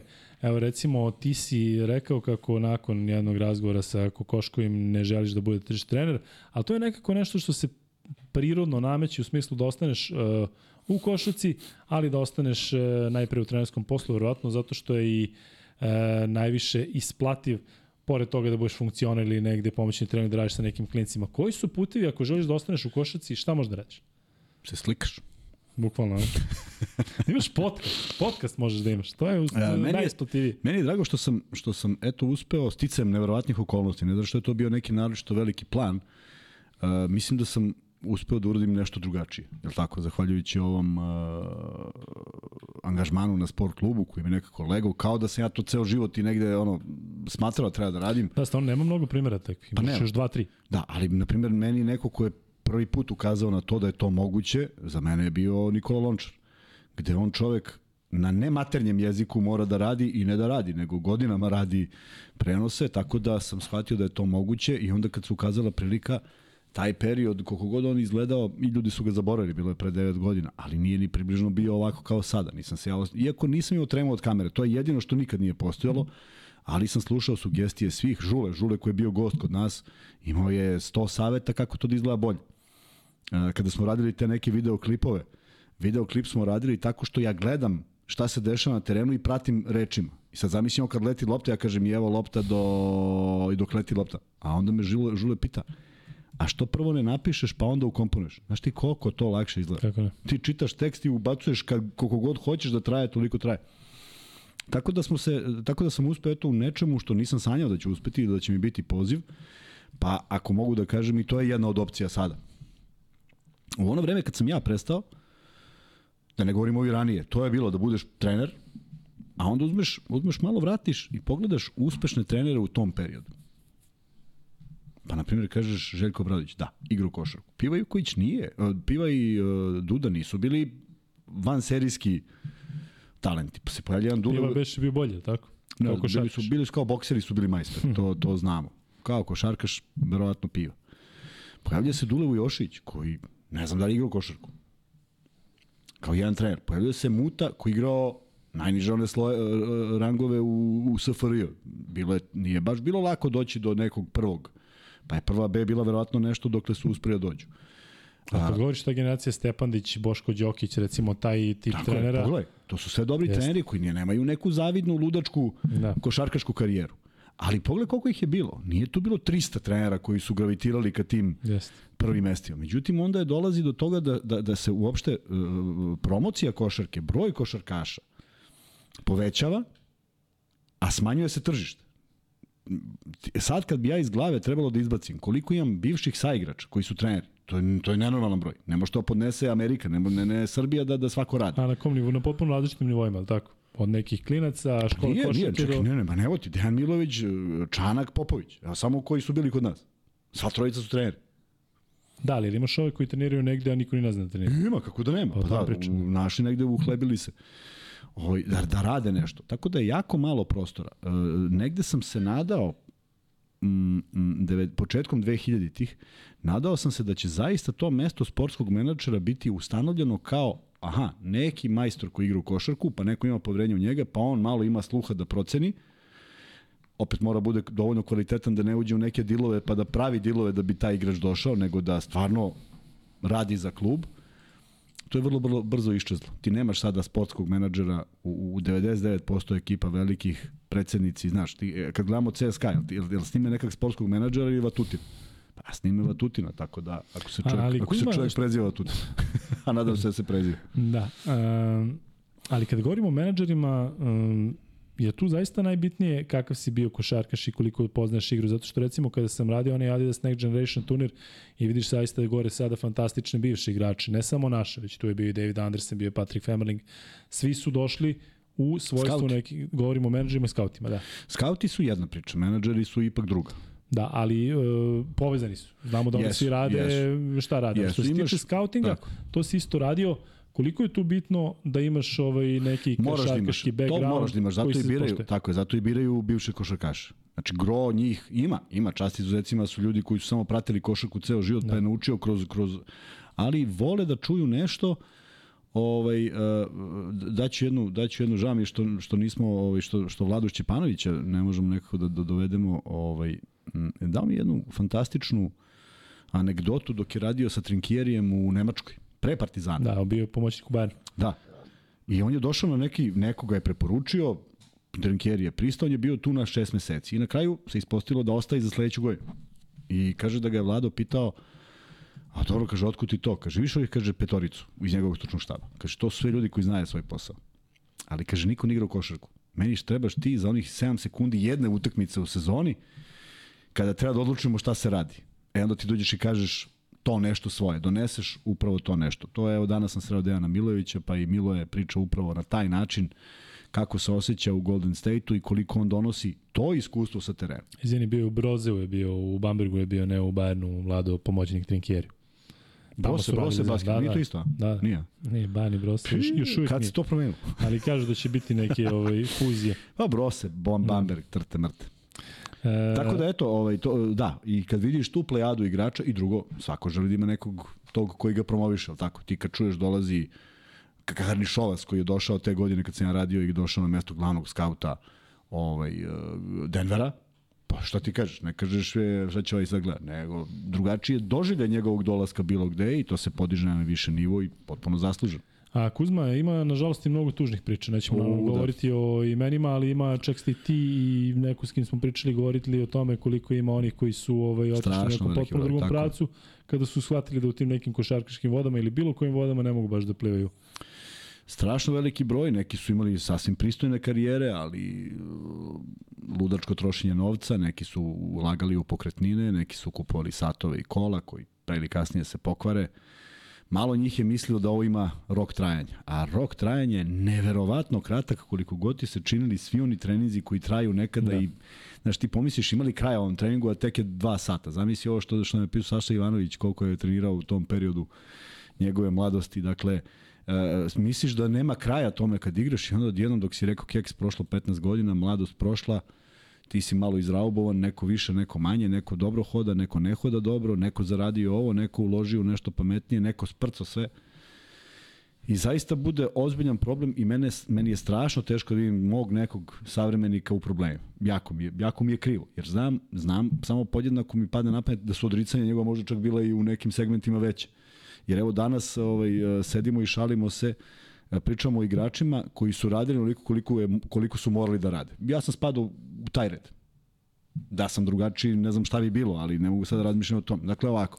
Nisi onaj koji je dolazio pola sata ranije, ostao 3 sata ne, kasnije. dođe čovjek i kaže, e, danas radimo 2,5 sata. Ja dajem 100% 2,5 sata. Onog minuta kad svira kraj, ja idem da se tuširam. I onda sledi pitanje, pa što ne ostaneš da šutiraš? Pa zato što ne moram. znači, takav je mentalni... Kao za podcast. I posle podcasta pa jo, ja, ja, jedno kako, ja kako mi kažemo doviđenja, ja sam već napolju. I, ovaj, i zezali smo se koliko nas je danas sedelo zajedno sa istim nekim tim stavom. To je jednostavno tako i, i, i to su neke stvari kad govorimo o stvarima za uspeh. Znači, ja dajem 2,5 sata 100%. 100%. Kobe Bryant je davao 6 sati 100%. Bio je fenomen za mnoge svoje saigrače, je li tako? Tako i ovde si ima uvek ljude koji su više radili, koji su više bili posvećeni, dostigli su neke ozbiljnije nivoe, ali svakom prema zasluzi, prema uloženom. Međutim, ogroman je broj onih koji su radili isto što ja, možda bili posvećeniji, možda malo manje sreće imali, možda u onom momentu kad trebalo da se pobedi pola koša, ono izgubili pola koša, karijera otišla u drugom pravcu i naravno su ljuti na ceo svet jer onda je posle toga bez škole, a mahom bez škole je preživljavanje. Svi se naravno uhvate za nešto što je možda najlakše završiti, ne zato što zaista mislim da je lako, ako se posvetiš tome, ako stvarno želiš da završiš tu višu školu trenersku, i želiš da znaš nešto, onda ćeš se posvetiti. Ako je samo fora, da uzmeš papir, možda uzmeš papir bilo čega, to ne verujem da je problem, ali treba i da radiš tom nekom decom ili sa nekim momcima da im pokažeš nešto šta znaš. Tako da nije lako snaći se posle karijere, a mislim da ulazimo u, onu, u onaj period kada se manje zarađuje od košarke nego što se zarađivalo. Sad će neko pita kako kad su u Euroligi ja, toliki ugovori. Ja. Pa zato što Euroliga ima dva, dva srpska tima, je li tako? I to Dobro. su 24 igrača od kojih su pa jel ima, jel ima, jel ima 12 da su da su da su Srbi. Mislim da su domaći. U Partizanu zvezdi ukupno. Pa da. Tu negde. Tu negde, al tako. Znači 12 ljudi u zemlji zarađuju od košarke. Onda ide plejada ABA lige, gde su pristojni neki novac koji ti je ono za sezonu. Znači sigurno možda za, za, da uštediš neke pare. A onda ide ogroman broj igrača koji odlaze u okolne zemlje, Soma i po dva, tri, pa gde dođeš do četiri, pa to je čudo. A život je toliko skup da ti od tih četiri u neko naše vreme, 4000 je bilo uhaj. Sad je 4000, znaš, još malo Ćale i Keva ti pošalju da imaš za, za, za sve što ti treba. Tako da, evo, gledao sam kroz eh, kvadrat stana u Beogradu. Svi neki moji savremenici kad kupe stan, kupe 60 kvadrata, 70 ko je na, šta našao. 70 kvadrata je koštalo 90 100.000 maraka, 100.000 maraka sa 70 kvadrata na Dorčelu, na tom istom Dorčelu 210.000 210.000 evra. Znaš, jako teško je ovaj, uh, ispratiti sve jer sve košta. Što se kliberiš? Ja, zato što se tu pričaš nešto, pa ovaj, malo te zeza. Sad sam ljut. E, Kuzma je ovo u govoranciju... Um, Nisam još završio. Poenta ove govorancije bila, dakle, sve ovo što je rekao, ako poznate Kuzmu, dakle, da je on trenirao kao Kobe Bryant toliko, tako bio bi bolji od Kobe Bryanta i zaradio bi više i imao bi pet stanova na Dorču. Mada ja i mislim da, da sam u nekom da sam... segmentu bio bolji. pa, uglavnom... Onako objektivno. E, ovako, e, ponovo šef preti otkazom, da ne bi bilo sutra samo podcast bez Luki Kuzme, dakle, lajkujte i subscribeujte. Ovde stižu ozbiljni onako pogledi da to mora da se uradi, a na pola puta smo da dođemo do prvog max bet, free beta. E, Kuzma, još malo ću ovde da prođemo ovo što nam pišu trenutno ljudi, uglavnom oni koji su sa nama tu non stop. Hvala puno Vladimire za podršku. E, pitaju da li trener treba da, po, da da ostavku u ovakvoj situaciji kako je bio Petar Mijević. Ali on je prihvatio u takvoj situaciji. I ja znam da bi rekli da je on ovakav i onakav jer nije prihvatio mnogo je teško u takvoj sredini kad se ti osjećaš delom toga i kad bi on uradio sve i tu stradaju. Takvi koji uvek urade sve, ima nas. Mi uvek volimo da nam je tim što bolji, na kraju pre ili kasnije stradaju. Onda nije, pa to bi bila priča, pa nikom više ne bi ponudio posao u Crnoj Gori, pa to bi bilo skandal, a ovako je izložen nekom stubu srama, a vidim da, da, da se od prvog momenta nadao da će to ipak izgledati drugačije. Ne da će budućnost pobediti, nego će to biti jedna dostojna partija a, budućnosti. I onda, a kažem, na sve to u početku serije piše da ga menja golemac. Pa zamisli njegov, njegov osjećaj e, vrednosti i sve to. Tako da, ne zavidim trenerima. Trenerski posao je izuzetno težak a, u svakom smislu. Nisam bio, ja, ja kad sam razmišljao o tome nisam bio spreman na, na takve stvari, ne verujem da bi mogao pravim neke kompromise i verovatno bi Darko Russo i ja sad sedeli zajedno i kod njega negde i pili kafu, pošto on ima dosta tih sličnih principa koje bi ja ganjao dok me neko ne ubedi u drugači, u, dru, u, u, u, u, u drugčije u drugačije. U ovom svetom trenutku stranka koja se formila. U, u suprotno, u suprotno, pardon. E, Igokea dobila e, Ali ne računaju se produžeci. Tako da će vas biti vjerojatno dosta koji ste prošli. U ponedljak ćemo izlačiti nova tri dobitnika. Imamo mi ovde i onaj voucher koji jedno čekamo da sa nekim od vas pa, onako... to smo mogli danas da donesemo. Mogli e, ljudi, da. imamo voucher. Nažalost, nismo ga doneli jer je bila kiša ovih dana kad smo mi dolazili. I svaki put sam ga spremio da ga ponesem, danas smo zaborili, naravno. To je voucher, on je veliki, znate, ono, onako, ono, kao dobiješ ček. E, napravili su naši drugari voucher i bilo bi zgodno ako neko dobija da iz Beograda i da želi da dođe, i da mu uručimo voucher. Tako i ko hoće ovde malo da se druži sa nama dok smo još u ovom studiju u narednih e, nekoliko nelja ili meseci vidjet ćemo. To sve košta malo i mi dodamo na odmah. Tako je. Sobi, jedan deo sobe, jedan krevet. Um, pitanje za Luku i Kuzmu, smatrate li da je drastičan pad u budžetu jedan od razloga ovakve igre budućnosti? Nije tu bilo mnogo razlike u budžetu, mi smo baš pričali koliko su tih e, nekoliko stranaca, koliko su plaćeni kada uzmete njih šestoricu, kažem imaju neke imena, igrali su u nekim ligama, neki od njih bili na draftu, igraju čak i za neke reprezentacije, kažem nisu to nepoznati likovi, to su jednostavno igrači koji imaju svoju cenu i verujem da je tu bilo ovaj, budžeta Slično kao i prethodnih sezona, možda ne u onoj sezoni kada je budućnost stigla Euroligu, ali ja bih zaista nakon onoga što sam video dole volao da ta sredina dobije jednog ozbiljnog ne samo aba ligaša, tu će verovatno uvek biti iza Zvezdi i Partizana ako ostane ovakav forma takmičenja, ali volao bih da vidim zaista budućnost kao konkurentnu ekipu u Evrokupu. I volao bih I da... I bila je, bila ideja, mogla je da se uradi za ovu, ovu godinu. Nije da, to sad... Zato što, ali ne samo zato što je su bila takva okolnosti, nego jednostavno kvalitet Evrokupa bio takav da jednostavno tako je mogla da ispala neka ekipa po budućnosti. Tako je. Šteta. E, kad smo kod Evrokupa, Gran Canaria je povukla ono da neće, Znači, hoće ipak kaki, hoće. neće kaki, ipak, ipak izgleda su naši I sponzora. idemo u Gran Canariju, to je naša sledeća destinacija da vidimo tamo šta se radi. Zato, zato hvala za svim ako donacijama. Ima neko, da, ako ima neko sa kanadskih ostrava, nek se javi. Neku veću donaciju. Da, očekujemo isti prijem kao u Podgorici. Neku petocifrenu da, da. donaciju. E, kaže ovde Marko Jeremić, molimo sve pobednika Fantazije da nam se jave putem Instagrama oko dogovora za nagradu. Jeste. E, kako komentarišete izjavu Hezanje posle finala? Redko kada komentarišem šta, ali ono je baš bilo ružno što je rekao je Buselov, jeste rekao je Buselov da im je ono promenio sezonu. Ja se nadam i mislim da to nije bilo u tom uh, pravcu, dakle ono što je uradio je Buselov, već je on, nadam se da se na to misli, dakle on je neko koji je zaista preuzeo odgovornost i čak bio MVP Maja u Španskoj ligi, pa im je možda tako malo ovaj, um, da kažem dao duška da mogu da se posvete neki igrači poput Jezonje Euroligi, ja se nadam da je išlo u tom pravcu, dakle da se nije potpuno ludiralo na ono što je Busela uradio Egzumu. Nadam se. Evo ga tu i Sale Božić i kaže da li sam ja jedini koji nije propustio ni jedan sekund vašeg podcasta. Mislim da nisi Sale, malo malo podođe neko ko nam kaže, evo recimo ovaj drugi iz Crne Gore kad smo se sreli dole, kaže da je izgubio mnogo kila zato što non stop sluša naše podcaste dok šeta ili trči i čovjek je oslabio čak 60 kg, tako da ako hoćete da imate sjajnu dijetu i da lepo funkcionišete što Potražite se tiče kilaže, Spotify. tako je, Spotify, Deezer, to je rešenje. idemo tamo. E, idemo dalje, e, Alan što se tiče mene dobro, e, dakle tu su Mnogi naši koji su tu sa nama dugo, pitanje za Luku i Kuzmu, dobro, to smo već prošli. I e, to bi od suštini bilo to što se tiče ovog dela. Evo, KG Soul kaže imam svih pet. E, kaže da je pogodio dakle sa Igokeom. Koliko je nas ubolo 5 od 5 za Zlatibor, sigurno se negocina zlatala, zaletala na Miami, još uvijek ne znamo, dakle naši drugačiji iz Galensa će to ovaj, da Morat prođu. da sečem. Ali pazi, iznenađenje je bilo Boston, tako da verovatno su mnogi, mnogi ovaj, yes, pali. Yes. Luka pusti bradu, hoću, samo ne raste kao što je rasla nekad. E, rekli smo šta mislimo o Hezonjinoj izjavi. E, dobro. Pričamo ja bi... o Jokari, pričamo da, o Ligi kasnije. Da. Šta kažeš kod? A, to sam teo, Jozokić, kad smo kod izjave. Ajde, kaži. Pa ne, ne, posle ćemo, nema veze, sad si rekao ćemo posle. Um, može li Kuzma malo više o ekipi sa kojim je sedeo danas? A, da, da, da, da, pa da.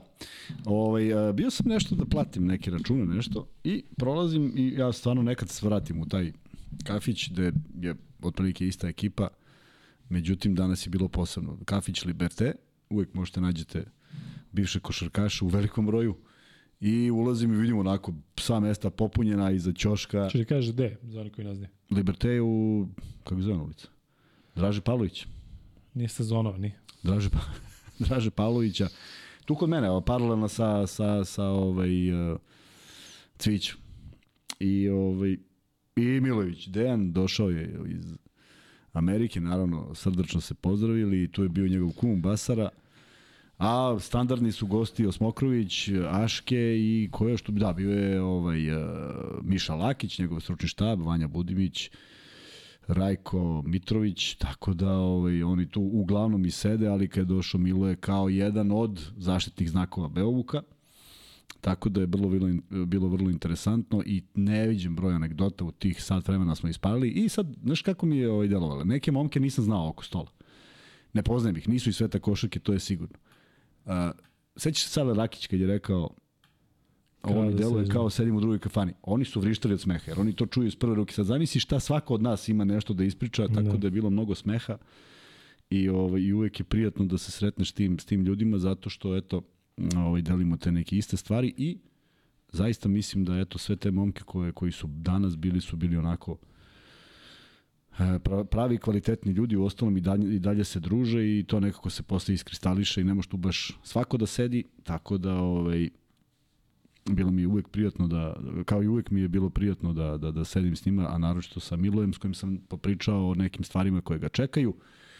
Naravno, pitao ga gde je večeras u 9, on je rekao da ne zna tačno, ali da nije u podcastu i pozdravio je sve i rekao je ovako, kaže, mislim da je rano da pričamo o nečemu, ponovio bih mnogo stvari, ali e, kada neke stvari ja budem rešio, jer ima nekih opcija šta će za dalje, kako će dalje da funkcioniše, ovaj, uh, javit će se i bit će ponovo naš gost, što im, ima dosta smisla, jer negde sam se i lomio da li da ga pitam uopšte, pa sam ovakav, ovakav način izabrao.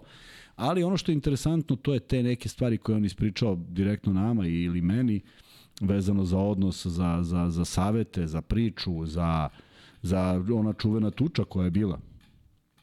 Ovaj, kada je, kada je rekao momku da treba da se izvini, ne da okoliša, on je gledao, on mi rekao njegov ovaj, njegov onaj, nego jednostavno da se kaže izvini i to je to. I oni su svi nadali da će to da se da se ispegla. Međutim, ne da nije moglo, nego nikako nije išlo.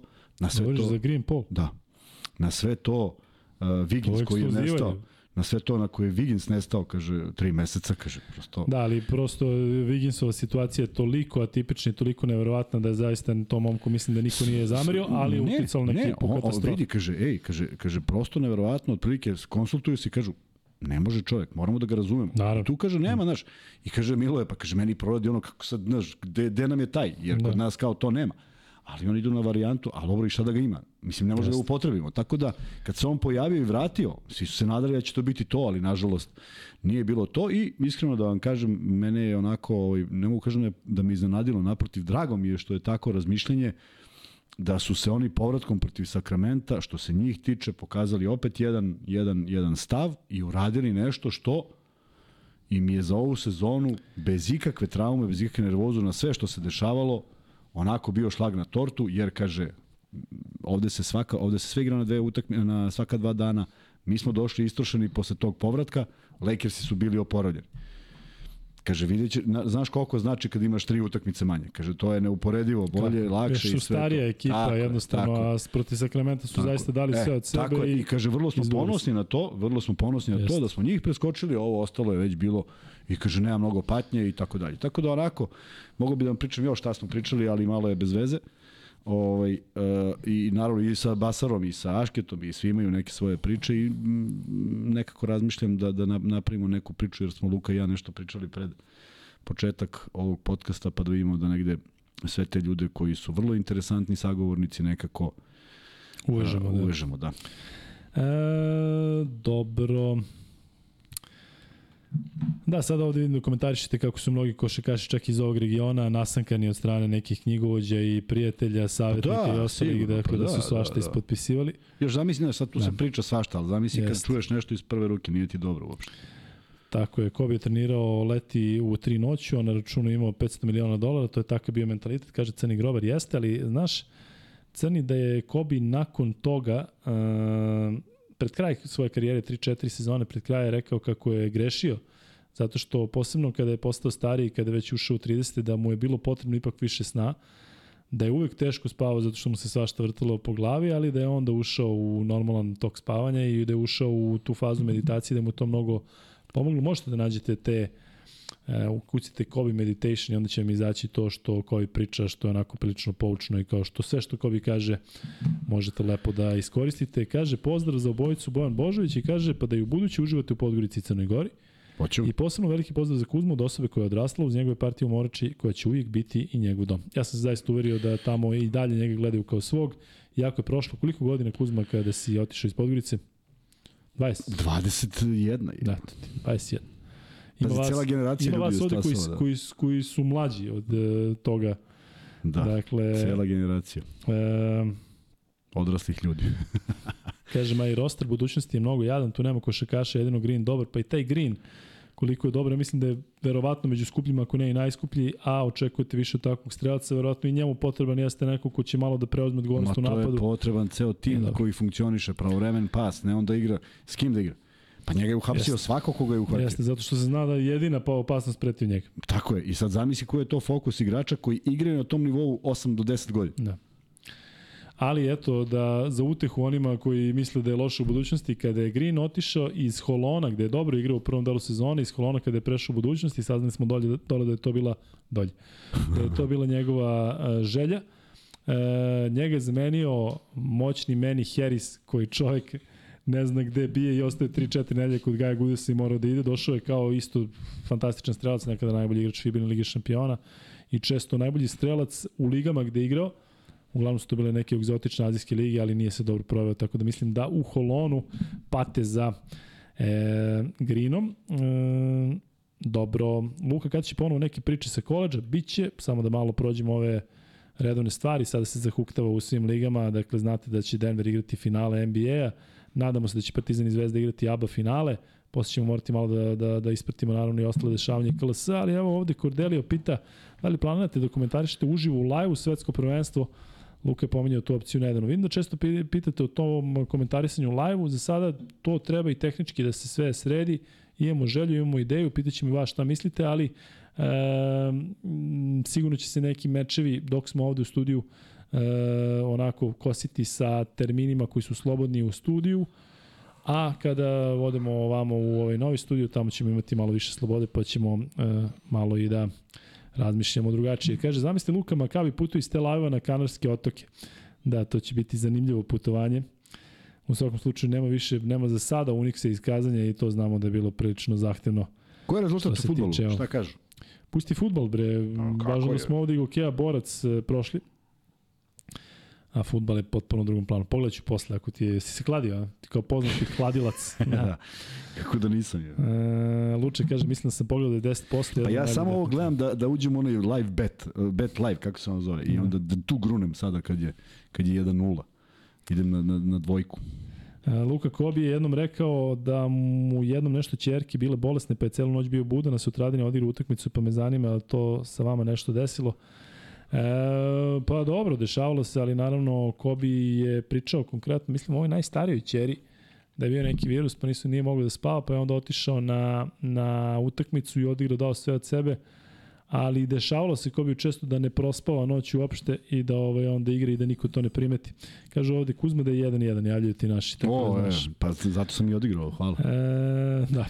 Ja, ja, sam, ja jednom nisam spavao celu noć, zabavljao se sa sadašnjom suprugom i došao u Beograd i džedžali na Tašmajdanu i tako dalje, tu gde smo mogli nešto pojeli i pravo, op, na trening, ne na trening, pravo na utakmicu, bez spavanja, I sećam se da je ovo bilo ozbiljno, ozbiljna kriza. Meni se dešavalo to nekoliko puta. Poslednji put kada je ono Denver igrao koju utakmicu protiv Lakers, radili smo podcast, došao u kući, gledaju Denver, a i sad ova noć pred eh, putovanje nije baš bila sa puno spavanja, da. tako da Dešavalo nam se, ali rekli smo da ćemo više obratiti pažnju na naše zdravlje, tako da ćemo gledati ovaj, tako da doviđenja da, svima. Da. E, e da, i slušaj, novi studij na Novom Beogradu, pričamo o tome više u budućnosti. Tu je bio ovaj, jedan moment kada sam, kada sam se spremao i sad ajde umio sam se i sve to i pojao malo neku čokoladicu, ne bili digao šećer i sve to, međutim, vezujem pertlu i stavim glavu na koleno. I zadremam u sekundu. Ej, bukvalno, kako te ostave? Ovi smeju, bude me, izlazim na utakmicu, mislim da smo igrali protiv Spartaka i izbegavam uporno, s obzirom da sam bio starter, da šutnem na koš. Uopšte me ne zanima, jer ne znam da li imam snage da pogodim.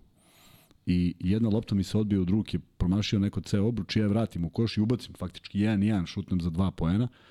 Međutim, još nije dovoljno velika razlika, Muta ne pravi izmene, igram i drugo poluvreme i otvara se drugo poluvreme, dve sekunde do kraja napada lopta kod mene. Sad ne možeš da dodaš ja nategnem i sve snage i da skratim priču, završim utakmicu sa nekih 14 poena, poprilično onako solidan učinak. Otišao sam kući, legao sam u 8 i 15 i probudio se u 20 do 3. E, ima neka još neka poruka čekam, čekam da se ljudi odšokiraju sad. Da. Svi su sad svi ovako. I sad se od subscribe od subscribe. Kao sad smo sve čuli kao što ovaj laže da. E, ljudi, 277 lajkova, dakle još 223. Još samo 223. da krenemo sa freebet seriju. E, da. I dobro, to je to što se tiče Luka nije Boston iznenađenje, pa oni nisu za metlu, nisu. Ja sam rekao da će biti 7 mečeva, sada se niko ne smeje, zašto svi misle da će biti 4-0, sada ako bude 3-2, tu se otvara sve i svašta, pričat ćemo o NBA-u na kraju. Ali ajde da se vratimo na Zvezdu. Kuzma, sada košarkaški iz ugla, pošto smo u budućnosti ispratili što se tiče ABA lige i poželim sreću u domaćem prvenstvu Crne Gore, ali ajde da se vratimo na Zvezdu. Da li si vidio možda nešto novo?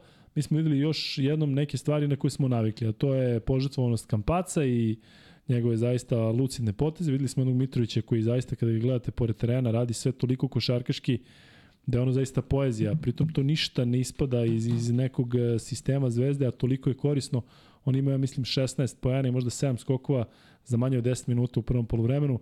Dakle, gledati Luku Mitrovića je zaista e, privilegija. Imali smo momka ovde, pozdravio se pre, pre meča i e, potpisao je novi ugovor. Dobrić je postao najbolji strelac ABA ligije u istoriji, 391 poen sa tih 7 u Morači, prešao je Gordića, tako beše? E, tako da čestitke njemu, ali Kuzma, Zvezda, čini mi se koliko god bila dominantna i dalje ima neka oružja koja ne otkrivuje. A, vrlo moguće, ali mi se dopalo to što se utakmica nijednog trenutka nije otaljavala. Dakle, što se Zvezde tiče, išli su do, do maksimuma. Zašto? Zato što se stvara neki pristup utakmici koje će biti mnogo teže. Ja sam ubeđen da, da kogod, a zaista verujem i želim da Partizan bude u finalu, da gledamo dobru košarku, da gledamo veliki broj talentovanih ljudi na terenu i da je Zvezda sada u tom modu da jednostavno moraju da igraju i deluje mi kao da mogu da igraju 48 minuta. E, činjenica koja ide u tome u prilog je da su svi postigli ponovo poene, da se ništa tu nije prepuštalo slučaju, pa čak ni onih minut dva do kraja, na kojima je Ivanović i dalje pravio izmene kada nečim nije bio zadovoljan. Uh, vraćamo se u onaj moment kada on kaže da će biti spremni za finale i tako dalje, pa je delovalo suviše optimistično, ali mislim da je ta, ta težina odlaska na u četvrt finale uh, usporila Partizan u treningu, a Zvezdi omogućila dovoljno vremena da se spremi za ovo što smo gledali i zaista su ove dve utakmice u odnosu na celu sezonu, bez obzira što smatram da su protivnici protiv kojih je Zvezda imala možda manje dozvoljavali Zvezdi da se razmaše, da su ovo bile izuzetno dve dobre partije, vrlo slične, ali vrlo slične po energiji koju je Zvezda emitovala. Po, po pristupu, po činjenici da gledamo Nedovića koji se ovaj, bodri odbranom. Znaš, obično je to nekako kada jednu, drugu, Jest. trojku. Gledamo jedan moment kada niko ne prođe do koša. Gledaš nešto što, što nijedna lopta se ne gubi, ništa se ne, ostane prepušta slučaju. Samo zbog toga da se ne bi desilo ono po čemu je nažalost Zvezda bila poznata u tom jednom periodu, to su oni padovi u poslednjoj četvrtini. I mislim da se sada ovim uopšte ulaze u taj mod da to nije dozvoljeno.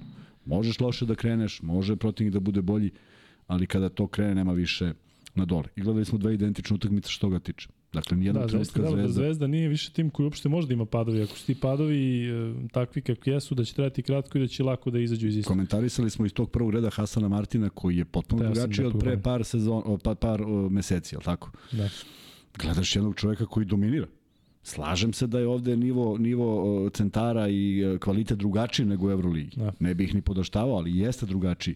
Međutim, biti toliko negde brz, pokretan, skidati, skakati, stizati, pritom niko se ne štedi faulova, apsolutno nema ko je napravio faul, nego prosto ne sme da se primi koš i vidiš da je reket bio izuzetno zatvoren na obe utakmice, imaju razloga za svo zadovoljstvo i naravno da ne verujem da, da iko razmišlja da je to to. Mislim da se ide da još bude bolje. E to onako nešto mene što odu, oduševljava. Znači, e, da imamo gde je taj neki kraj kako možemo da odigramo. E, Kuzmo, što se tiče Vildosa, mi smo se ono na par metara od njega uverili zaista koliko je brzi eksplozija, on zaista deluje fascinantno. Da li ti deluje da igra racionalnije na neki per, prethodni period? Mnogo, mnogo racionalnije i u pravu si potpuno kad u jednom trenutku promeni ritam, znaš, Jeste. zavrtiti se u očima, neverovatno koliko, koliko lagano hoda, koliko brzo reaguje, ti njegovi prodori, uvek će mi ostati misterija zašto ne koristi više, doduš imao je samo jednu loptu koju je šutnuo kao trojku, drugo je, da li jednu? 1-0, nije ni važno ali mnogo racionalnije, Nedović mnogo racionalniji, čak i onaj moment kada, kako je promašio lopte, to su bile fantastično izređene pozicije. I, i iz tog prvog reda kad gledaš pomisliš, ali zašto ovo nije osam puta za red. Jer ja ne znam ko je to mogao da brani u ovome. Ako je već prošlo u, da, šest puta. To, da. e, to je ono što pričam. Znaš, mi, smo, mi smo radili jedne te iste stvari da smo znali da ih radimo. I to je prolazi. Dok god prolazi radiš to. Ne moram ja sad nekog fasciniram šta sve znam. Naproti, treba samo da ubacimo loptu kroz obruč. Tako da mi deluje da su svi onako mentalno na jednom višem nivou. Marković koji na 35 razlike skače za loptu, bori se, pada, pravi faul, zaustavlja kontru, sve radi što treba. Izlazi zbog pet faulova, ali zbog pet, pet faulova, da, pravih nije faulova. ništa, ma da. I to je to. Tako da, lepo su izgledali, opet ponavljam, žao mi je što budućnost nije izgledala bolje, volim, volim taj naboj, voleo sam Moraču i kao gost i kao domaći, jer, jer mislim da, je, da, da su upravo ovi igrači o kojima smo pričali izgradili taj neki, to neko poznavanje. Mi pričamo ipak o periodu kada je tada tih 90-ih e, napokon budućnost došla do prve savezne ligi. Do tada su gledali ozbiljno dobre igrače, ali je jako teško bilo proći taj rang takmičenja, bez obzira što postoje neke legende podgoričke košarke koje su i tada postojale, ali nije bilo lako u jednoj maloj sredini naći taj dovoljan broj igrača. Tako da 90. kreće taj neki uspon i posle, na, nažalost, raspadom države, nažalost iz sportskog aspekta, budućnost postaje dominantna, vidjet ću, baš me zanima kako će izgledati protiv Studentskog centra, koji je pokazao apsolutno bolji stav na utakmicama protiv Partizana i želju da, da, da, da preokrenu nešto i ne bi mi iznenadilo da uspeju da pobede po, uh, budućnost. E, Kuzma, e, ispratili smo Zvezdu i nekako mi se čini da u ovome do sada, dakle do finala ABA lige, da je bilo nekih turbulencija, međutim sada kada se sve sleglo, čini mi se da je svako od igrača pronašao svoje mesto u timu. Ja ću dati primer Bena Bentila koji je na početku sezone bio glavni igrač, pa je onda odjednom nestao, pa je onda eksplodirao na nekih par utakmica, ali sada mi se čini da je ta njegova backup uloga prava i da je otprilike ona koju ima u Armaniju, kada si ti rekao on je neki sedmi, osmi igrač ili sedmi, osmi igrač od koga znaš šta da očekuješ. Tako. Dakle, neki skok, nešto Tako. pod košem, da možda pogodi neku trojku kada je sam i nekako su se uh, kockice složile. Šta je u ovom trenutku, zato što ne možemo da pronađemo mnogo mana ovakvoj zvezdi, opet budućnost ovako možda nije neki reper, ali šta su uh, najveće vrline ove ekipe? Znaš šta mislim da se desilo? Mislim da je da, da se desilo nešto što, što, što gaje i, i, i Ivanović i Obradović. Našli su mesto igračima i ako si video, ni jednog trenutka ne postoji nervoza da Bentil uzme neki van, van, van regularni šut, zato što ima nula poena celo prvo polovreme. Imao je loptu u rukama, ali prosto ništa nije jurio. Zato što mu je neko objasnio da, da to što uradi, da taj prenos lopte, da je to to što se od njega traži. Da. Ne mora da mu opstanak ili kvalitet ili bilo šta ili novac zavisi od toga da li će dati 7, 17 ili 25 poena. I deluje mi da je to, to za to treba vremena da, da uđe, naročito kad je on u onoj, onom prvom momentu bio personifikacija čoveka koji daje najviše poena. I onda, znaš kako, ti, tebi to prija i poželi. Ali nije to davalo rezultat. I onda je on ušao u jedan sistem kako treba da funkcioniše. Nema velike razlike između igrača Partizana i, i Zvezde u smislu kad ne ide, ok, ne ide, ide tebi, idemo i igramo.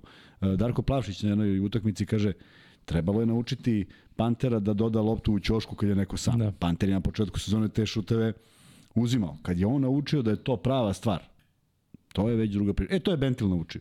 To je Martin naučio i mislim da su svi prilagodili tome i da ih niko, kad kažem niko, mislim na trenera, ne, ne gleda kroz uh, prizmu poena. I mislim da imaju potpunu slobodu, dogod to postoji smisao igre, potpunu slobodu. I nikad neće niko izaći, nisam vidio da je neko u Zvezdi izašao zašto je promašio ali sam video da je neko izašao zato što je uradio nešto što se nisu dogovorili. I to su vrlo bitne stvari, što ih pre savladaš duže si na terenu. Da, Luča kapiten ima jedno jako dobro pitanje, a mi to možemo da postavimo sada i kao pol. Dakle, on pita koliko može loše da utiče velika pauza na zvezdu do početka finala, ali ćemo da formulišemo pitanje ovako, da li mislite da velika pauza do finala može da utiče e, negativno na zvezdu, da ili ne? To je okej, okay, Bane. E. E, a mi ćemo da nastavimo dalje i da pitamo Kuzmu e, što se tiče e, Nikola Ivanovića, pričali smo o tome kako je on dole bio nakon udara domaćih navijača, dobio šansu u drugom polovremenu kada je već meč bio rešen. Govorimo o toj sjajnoj bekovskoj liniji. Da li misliš da Ivanović može da pronađe neku svoju ulogu od 2-5 minuta sada kada dođe do finala protiv koga god? Mislim da da. I mislim da, da, da, da meni se čak i dopada kako se on nosi sa svim tim što se izdešavalo od njegove povrede. On je možda i prvi koji je reagovao na promenu trenera onako najpozitivnije i bio momentalno spreman do tog jedne bizarne povrede koja ne spada u sportsku povredu. Ona je zaista nešto što se dešava u, jako malom broju slučajeva. polomiti rebro i odsustovati zbog toga nije ni malo naivno i sad zamislim psihi, ono, u glavi treba ti da, raz, da shvatiš šta se desilo, da, da je neka sportska povreda pa kažeš dešava se, ali ovo se stvarno ne dešava, bar ne na košarkaškim terenima. I onda povratak koji nije bio ni malo lak, onda konkurencija koja je bila sve veća, u tom trenutku dolazi Kampaco i popunjava se pozicija, tako da je on sve ovo izdržao i gledam ga juče, to je prekjuče, to je juče, to je prekjuče.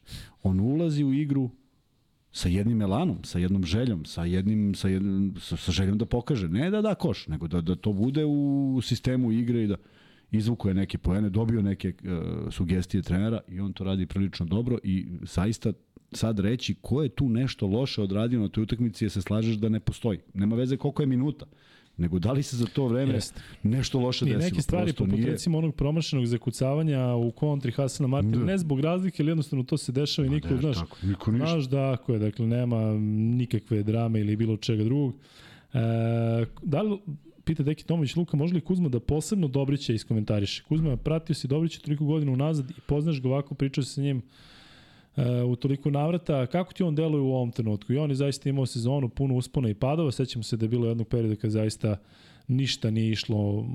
Čini mi se da je to možda bio onaj period kada je Zvezda gostovala u Italiji, ali e, Dobrić e, je neko ko je takođe potpisao novi ugovor, da li bi to moglo dodatno da utiče pozitivno?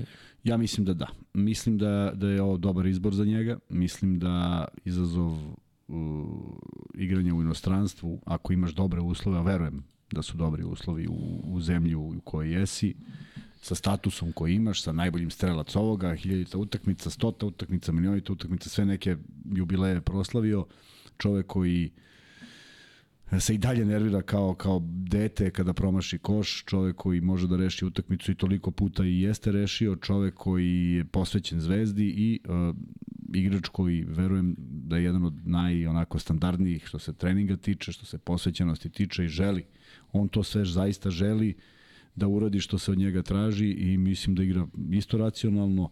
Ono što, što se nije desilo na ove dve utakmice, to su ti neki promašeni floteri.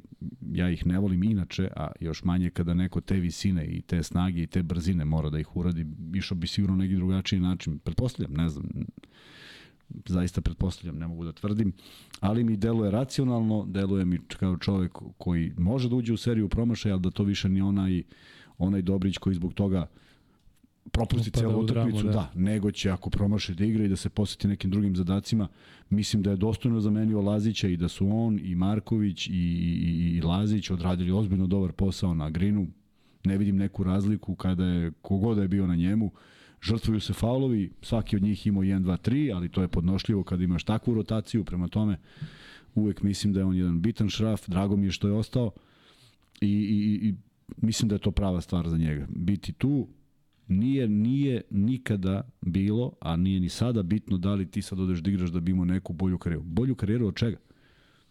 Pa imaš samo još 17 klubova Evrolige gde možeš da nastaviš. Samo još 17, nema ih još 40. Što bi išao iz, iz, iz takmičenja u kojem možeš da, da igraš, u kojem igraš prilično pristojno, to treba budu neke veće pare. Evrokup čast izuzecima ne daje veći novac, dakle nekako se sve poklapa, igraš najbolju košarku i još i pra, plaćen za to, prema tome još pred svojim navijačima koji ja ne znam da li postoji neko ko ne voli Dobrić, iskreno govoreći. Ne znam šta bi mu zamerili, znaš. Ima ovde ljudi koji evo komentarišu da njegova karijera ide sve dole i dole, da je možda propuštena neka šansa Nema, i da... Šansa zašto? Da možda bude bitni šaf u Zvezdi. Pa, ko, ko, je, ko, je, ko je sad najbitniji šaf? Jel imamo, jel imamo dva najbitnija šafa? Pa imamo. A. Nedović, Kampacu ili tako nešto. Nedović nije bio bitan šaf prvih 12 kola. Pa se sad to, pa je Dobrić vuko neke utakmice. Dakle, teško da ima sad tog koji će biti jedan i da će ovi drugi da traže. E, ne slažem se s tim, zato što znam koliko je teško uspeti u inostranstvu, zato što znam koliko se inostranstvo drugačije gleda kad si stranac. E, nisu svi prošli dobro, a meni deluje da je Dobrić takvog mentalnog sklopa da ne bi prošao dobro. Jer on bi i taj klub doživeo kao svoj i više bi se nervirao od da. onih koji treba da se nerviraju više, tako da ako se već nervira doživljava to tako, bolje to da radi kod kuće. A da li ja mislim da je njegov pik, da li, da li postoji neka? Ja tvrdim da je on kasno u Zvezdi počeo da igra. Jer je on već bio najbolji strelac u FNP-u i onda je ta jedna cela godina meni neobjašnjivo bila Dobrićeva na krupi. Nema šans setim koja je to sezona, naravno, ali bila je jedna gde je on jako malo igrao, a mislim da je već bio spreman. Pa da nije ona sezona kada je Zvezda izgubila od budućnosti u ne, ja mislim da je on pre tu bio. Jeste bio tu, da. Ma ne, ne, ne, ima, ima, baš kad je, koja mu je, koja da, mu je sezona u žel, železniku? Javit će se ljudi, pa će nam i reći. E, vidimo da je Zvezda dala gol, tako da e, će možda da bude veći gledanost kada Zvezda na kraju ovo završi u 90 minuta, a deluje da imaš 10 minuta do kraja. E, pitanje za Luku, kojih 12 bi volao da vidiš da predstavljaju Srbiju na Mundu basketu. Ima prilike da pričamo o tome. Nadam se da će biti najkvalitetnijih 12, ali nadam se da će nosioci tima biti naravno Jokić i Bogdanović. A takođe se najiskrenije nadam, nadam se da će Micić biti spreman, da neće biti problema na poziciji 1 koja je toliko bitna, ali ćemo o tome pričati, ima prilike. E, želim Jokiću da osvoji e, titulu u NBA ligi, da se odmori pa da onda razmišlja o reprezentaciji. E, vidim da otprilike pola-pola razmišljate o tome da li mislite da velika pauza do finala možda utiče na zvezdu. E, može šefe da ugasiš šo i poli da staviš onaj redovan koji imamo za koga navijate, pa stavi Crvena zvezda, Partizan i neko treći. Stavi Crvena zvezda, Partizan, budućnosti neko treći. Da vidimo da li je sad ovaj naš odlazak u Crnu Goru ovaj, uticao na to da bude više sigurno jeste. Evo, ja ne sumnjivo ja, ja očekujem da će biti više od 5%. 50, 50% je sigurno e, iz Crne Gore. Tako je. I e, Kuzma, sa ovim bih završio što se tiče Zvezde, ali u stvari imam još jedno pitanje. Da li ti dalo je da je Duško Ivanović e, konačno onako e, doveo tim do toga da on može da bude zadovoljan i da su sada nijanse to što ne valjaju. Vidimo i njega da je mnogo mini što se podrazumeva kada igraš na 40 razlike protiv budućnosti u dva meča, ali ono čemu smo ja i ti pričali, vidi se taj trening. Vidi se, vidi se i zadovoljstvo. To ne znači da on neće reagovati kada vidi nešto što mu se ne dopada. Koliko god toga malo da ima, kada se sve svede, kada završiš utakmicu ovakvom pobedom, apsolutno bi bilo onako besmisleno da sad sugerišeš neke stvari, ako to nisu neke stvari koje se ponavljaju. Tako da, nekako, stvarno bih volao da vidim koja bi to utakmica bila gde će Duško Ivanović izaći i reći, e, ovo je bilo savršeno, da im da li ćemo da doživimo to. A inače, ne mislim da je savršeno kad je 40 razlike. Mislim da savršena utakmica može da odigra i na nekih 15 razlike i na 5. Samo je pitanje koliko si dosadan u tome što radiš. Jer ako je protivnik prilično dobar, ne možeš baš da ga da ga razbijaš kao da ne postoji. Čak Tako da... da su neki timovi, evo recimo Zvezda Barcelona, Zvezda Real, ne znam, neki timovi da su odigli dobre utakmice, ali izgubi, izgubi Da, da, da, tako. upravo to kažem i kažeš, da. ej, zadovoljan si sa 90% stvari. Slažem se ja da je ta jedna lopta presudila, ali ta je, ne, nije tvoje neumeće, nego je umeće protivnik. Tako da, e, mislim da je spremio ekipu za jednu dobru seriju i da će na kraju i biti zadovoljan zato što je upravo tu došlo do te prednosti gde Partizan je morao da se fokusira na jednu ekipu i da zaista u jednom napornom rasporedu krči put do, do, te, do te treće pobede. Nije uspeo, onda još veće razočarenje, onda objasniti sad igračima da, da igraš protiv studentskog centra u svo poštovanje tim igračima, a ne igraš protiv ovaj, s kim beš igra protiv Barcelone dan kasnije, nije lako i to udari na glavu i ne treba ih ni za to kritikovati, Partizan se ipak vratio u tom trećem meču u pravu onako nekako e, sličnu formu koju je imao. Još uvek nemaju reper, sad će njima dobro doći utakmica protiv e, Cedevita Olimpije, koja je opet imala pa vremena da se spremi, tako da je, kad bi ja posmatrao sa nivoa regularnosti, ovo je sve naopak, ovo nema nikakav smisao. Ali šta je, tu je, nisam ni očekivao da će biti nešto pametnije. Cedevita Olimpija će iskoristiti sve što može u ovoj prvoj utakmici da pokuša, treća je uvek Lutrija, Vidjet ćemo kako će Partizan reagovati. Gledali smo jednu pobedu Cedevice, jednu pobedu Partizana. Da im dali mogu da naprave neko iznenađenje. Opet mislim da su i oni željni produženja ove sezone, jer ako ne, onda se završava vrlo brzo i to je to. Saša Veljković pita, Luka, radiš li NBA finale uživo? Radimo na tome da se radi svaka utakmica, možda ček uključimo i Kuzmo, ali Miksa nije tu. Sigurno će studio biti tad slobodan u 2.30 noću a Mikse je već istakao i ovde javno da je raspoložen za, za, za tu priču, tako da vrlo moguće da će biti sigurno neka utakmica, ali ja se nadam i ono e, priželjkujem da radimo sve u live zato što mislim da je ovo istorijska prilika da jednog našeg toliko dominantnog igrača vidimo uh, uživo kako dolazi do NBA titula. Tako da, naravno da sačekamo prvo da se završi finale istuka, pa da vidimo koji su termini, zato što će izaći naravno svih sedam utakmica, za razliku recimo ovde od ABA lige. Uh, gde smo videli kad se igra prvi meč Partizana, kad se igra drugi meč Partizan CDVita Olimpija i onda treći to be decided. Magli. Tako da Amerikanci su sa te strane ozbiljni i čim uh, dobijemo pobednika istočne konferencije, pričamo o tome, a to će biti jako brzo. Kuzma, imaš pozdrav od Spira Todorovića koji kaže pozdrav iz Crne Gore za gospodina Kuzmanovića. Slušaj sad ovo, zarez dobrog i poštenog čoveka. Tako je, Spiro je pravi čovjek. I tačka i za vas, Hvala, Luka. Spiro. Hvala puno. ne, stvarno piše. Evo, Hvala Spiro. Imamo, imamo zagrlje od, Gora, od Dragana Goranovića s kojima smo sedeli, s kojim Sjajno. smo sedeli u subotu. Tako da da, to su ljudi koji pamte neka drugačija vremena i hvala im što pamte, zato što to negde sve i, i ima smisla ako se to dešava. E, još uvijek ne mogu da se osvestim koliko je vremena prošlo, evo sad kad si izgovorio, zaista to deluje onako zaprepašćujuće. I evo i Nexi Restart i je Kuzma jedan pravi gospodin, imao sam prilike da ga poznam, samo reči hvala za njega, veliki Hvala respekt za takvog čoveka. E, da, evo Drag Đođe kaže ovde kao radio prenos, jeste, mnogo vas se javilo koji e, slušaju nas u slušalicama i ima mnogo onih koji nemaju kanale, odnosno nemaju operatera koji će prenositi i ABA finale i NBA finale, a ne vole da se zezaju sa streamovima, pa smo onda dobili često i e, poruke i pozive i ideje da radimo onako baš polukomentatorski da uz nas možete da pratite i vi koji šetate ili vozite bicikl ili vozite automobil, mi imamo silne kamionđe, tako da radimo na tome da sve ovo što sledi bude, bude kako treba.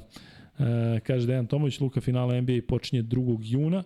E, vidi, ako e, se desi da ima sedam utakmica i ako Boston okrene 4-3, nema trika da počne 2. juna, pa, pa ovaj, tako da mislim da će i tu biti pomeranje. Ali eto, sigurno počinje u junu. Kad je pitao neko kad počinje finala EBA lige, i to znamo da počinje u junu, zato što Partizan i CDVita Olimpija u najboljoj varijanti za jednu te dve ekipe sa 2-0 završava 30. maja, tako da u junu imamo i NBA finale i ABA finale i vidjet ćemo dužit će se i jedno i drugo. To sam siguran, a, zato što očekujemo dakle, 7 mečeva potencijalno u NBA finalu. Dakle, najviše može da bude ukupno 7 plus 5, 12, a u najmanjoj varijanti može da bude 4 plus 3, e, 7 mečeva e, ako jedna ekipa dobije maksimalni rezultat, tako da biće, biće prilike da naravno pričamo i o tim mečevima. E, Kuzma, da pređemo na Partizan, da kažemo prvo da Partizan protiv CDVita Olimpije igra prvi meč 28.5. odnosno sada u nedelju e, u Beogradu u 19.30, tada se revanš igra odmah dva dana kasnije u utorak u 18 časova, dakle manje od 48 sati e, gostovanje u Ljubljani. Kako komentarišeš to recimo da je Zvezda protiv budućnosti imala 9 dana razmaka između svog prvog i drugog meča polufinala, a Partizan e, protiv CDVita Olimpije ima dva dana, što se naravno podrazumeva sa svim ovim, ali da li treba razumeti malo da je i tu jednima i drugima potrebno više od jednog dana pripreme za revanš? Pa kome? To, to, je u stvari, to je u stvari normalan sled uh, play-off. Sve ovo što smo gledali do sada je nenormalno. Da, znači ovo je, ovo je u stvari onako kako i treba da bude. Tako je. Sad zamisli da su oni brzali da su odigrali sve ovo što smo, što smo gledali, da su odigrali u tom. Onda bi bilo još više vremena. I, i to zaista, kažem ti, nema regularnosti u tome sve. Nije, nije, što je potpuno razumljivo kada gledaš sa aspekta uh, koliko je važno otići igrati top 8 Partizan kojem su to mnogo važnije utakmice nego sve što sledi. Ali eto, Real je u svom umeđu vremenu igrao svoje utakmice. Možemo da smatramo da to nije u redu ili da li je u redu, je li tako? Ali prosto neke stvari moraš da znaš na početku sezone. Da li će to nekom prijati? Hoće. Da li je to nešto što, što, što ne prija svakom igraču? Nemam pojma. Jednostavno neregularno, jer play-off se uvek igrao na... Čak smo igrali, jedan, uh, igrali smo 1-1, pa da, dva dana pauze, pa treća utakmica. Znači jedno za drugom, nije bilo dana pauze. Nego bam bam. Da. Ne znam, nije svima isto i što kaže što evo sad Partizan koji će imati taj skraćeni, M je bio skraćeni, M je bilo na na nivou Evrolige, M dolazi ta serija utakmica protiv studentskog centra, M sad ovo treba da ubrza, a uh, Cedevita Olimpija i Zvezda imali svo vreme sveta da se spremaju za svoje utakmice. Nije u redu, a ne vidim uopšte kako može drugačije. Zamisli koji bi tek onda haos nastao da je Partizan morao između one dve protiv Reala sad časkom dodigra utakmicu dode u, u, ovaj, u Podgoricu dodigra Pa mislim da nije nije realno. E, Kuzma, da pređemo na konkretno taj prvi meč između Partizana i CDVita Olimpije. E, Partizan je oba puta u regularnom delu sezone imao muku protiv CDVita Olimpije. Jeste. Znamo šta je bilo tamo i znamo da je ovde Partizan jedva dobio, ali e, Da li ti se čini da je u toj seriji protiv studentskog centra prošla ta kriza gde je ostao gore kukus protiv Reala i da je ta treća utakmica sa tim zaista fantastičnim šutem pre svega i sa tih koliko 112 postignutih poena, praktično pokazati da je Partizan uh, na putu da se vrati na onu formu koju smo gledali. Vidi, jeste kad pogledaš sve tri utakmice, kad pogledaš završnicu druge, pomisliš koliko je bilo blizu da se to ne desi uopšte. I onda nisi smeo da razmišljaš o tome to će sad da doknade u trećoj, nego, nego je trebalo već u drugoj. I tu su se okliznuli i zato je i Obradović bio, ta, ali nije zamerio igračima jer potpuno razume šta se dešava. Zamisli, samo zamisli da je to bio moment kad je kraj sezone. To je pakao.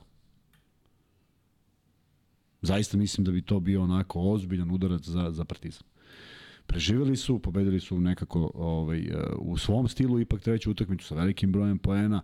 Naravno da i oni žele da se da se ovaj nastavi ova sezona, naravno da žele do titula ABA lige, ali ranjeni su imaju najkraće moguće vreme od svih ekipa. I to je ta posledica o kojoj smo pričali, jer se ne može da se organizuje play-off u sred play-offa Euroligi. Ne može. Niko nije organizovao. Nijedna liga se ne igra tako. Evo. Što, što se ljuti? Što pa ljuti, pa kako što se ljuti? Evo, Real, šta se, se završila španska liga? Sad se završava, tako? Jeste. Pa oni će igrati na tenane, to lepo napravljeno, koliko, šta i kako. Ovde, kažem ti, deluje mi kao da je uvek želja da se ne ide na Final, znaš, no, samo da niko ne ode u top 8, samo da niko ne ode na Final Four, jer šta će mi onda da radi? Zamisli je Partizan otišao na Final Four. I prva utakmica... Zamišljam, verujem, i češće nego što aj, aj, aj, zamisli. I, I prva utakmica počinje 24. maja. Treba da igra prvu utakmicu sa ovim. Sa studentskim centrom? Da. Daj Bože da je bilo tako. Ispražnjeni, osvojili, ne osvojili, odigrali, izgubili, šta god. I ti krećeš u tu neku seriju pik sezone. Završio si ti sad kre... Ne, ne, ne, nije mi jasno. Da, prethodnih sezona nije bilo tog slučaja da se ovako zaista sve ispreplaće, iako smo bili e, onako skeptični čim izađe raspored, da, znajući da, da onako nema nekog plana kako sve to da se reši. Tako da, eto, možda je ovo sada što se dešava um, način da se razmisli da sledeće sezone pokuša da se izbjegne sledeći scenarij. Pa bare malo da se nešto ovaj, sredi. Samo mi samo lupamo gluposti. E, Kuzma, Cedevita Olimpija u dobroj formi. Cedevita Olimpija se plasila u finale e, prvenstva Slovenije gde nema mnogo, neki da. ozbiljni e, otpor od bilo koja ekipa. Oni su u Šenču dobili dva put, do duše ta um, utakmica prva nije bila toliko toliko uh, laka, ali uh, kada... Što voliš da kažeš Šenčur? Šenčur, pa ima Šenčur i Šentjura, igrali su protiv jednih i protiv drugih.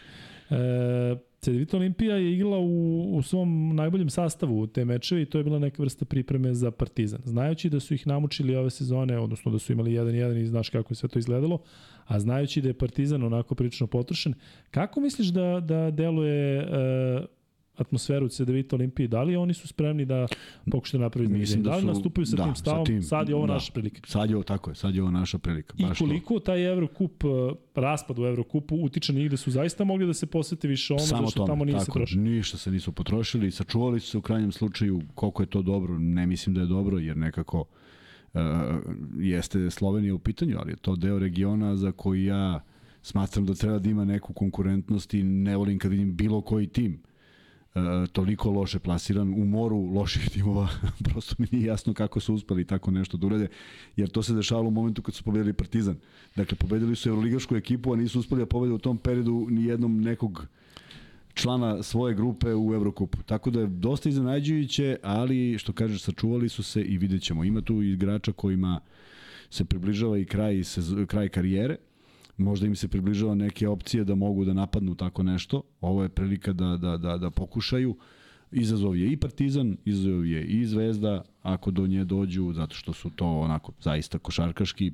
E, mi možemo da volimo ili da simpatišemo uh, Dragića ili Omića, ali oni su takmičari koji žele da probaju, naročito Dragić. Dragić igrao i u ozbiljnim klubovima i borio se za titule i uh, u tim godinama ti želiš da pokažeš da još vrediš i od njega treba se čuvati zato što zaista može da naudi iako ne izgleda tako da je neko ko je kreativan, ali prosto ta energija koju ima ovo je dovoljna nekada da, da, da, da, da, da poremeti protivnika. Mislim da su svi spremni za takvu utakmicu i da možemo da gledamo dobre utakmice. Koliko će biti spremni, Zavisi od toga koliko Partizan dozvoli.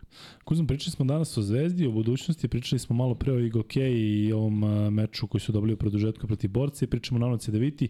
Ono što je zajedničko svim tim timovima, osim što igraju u ABA ligi, to je da su tokom sezone e, promenili trenera.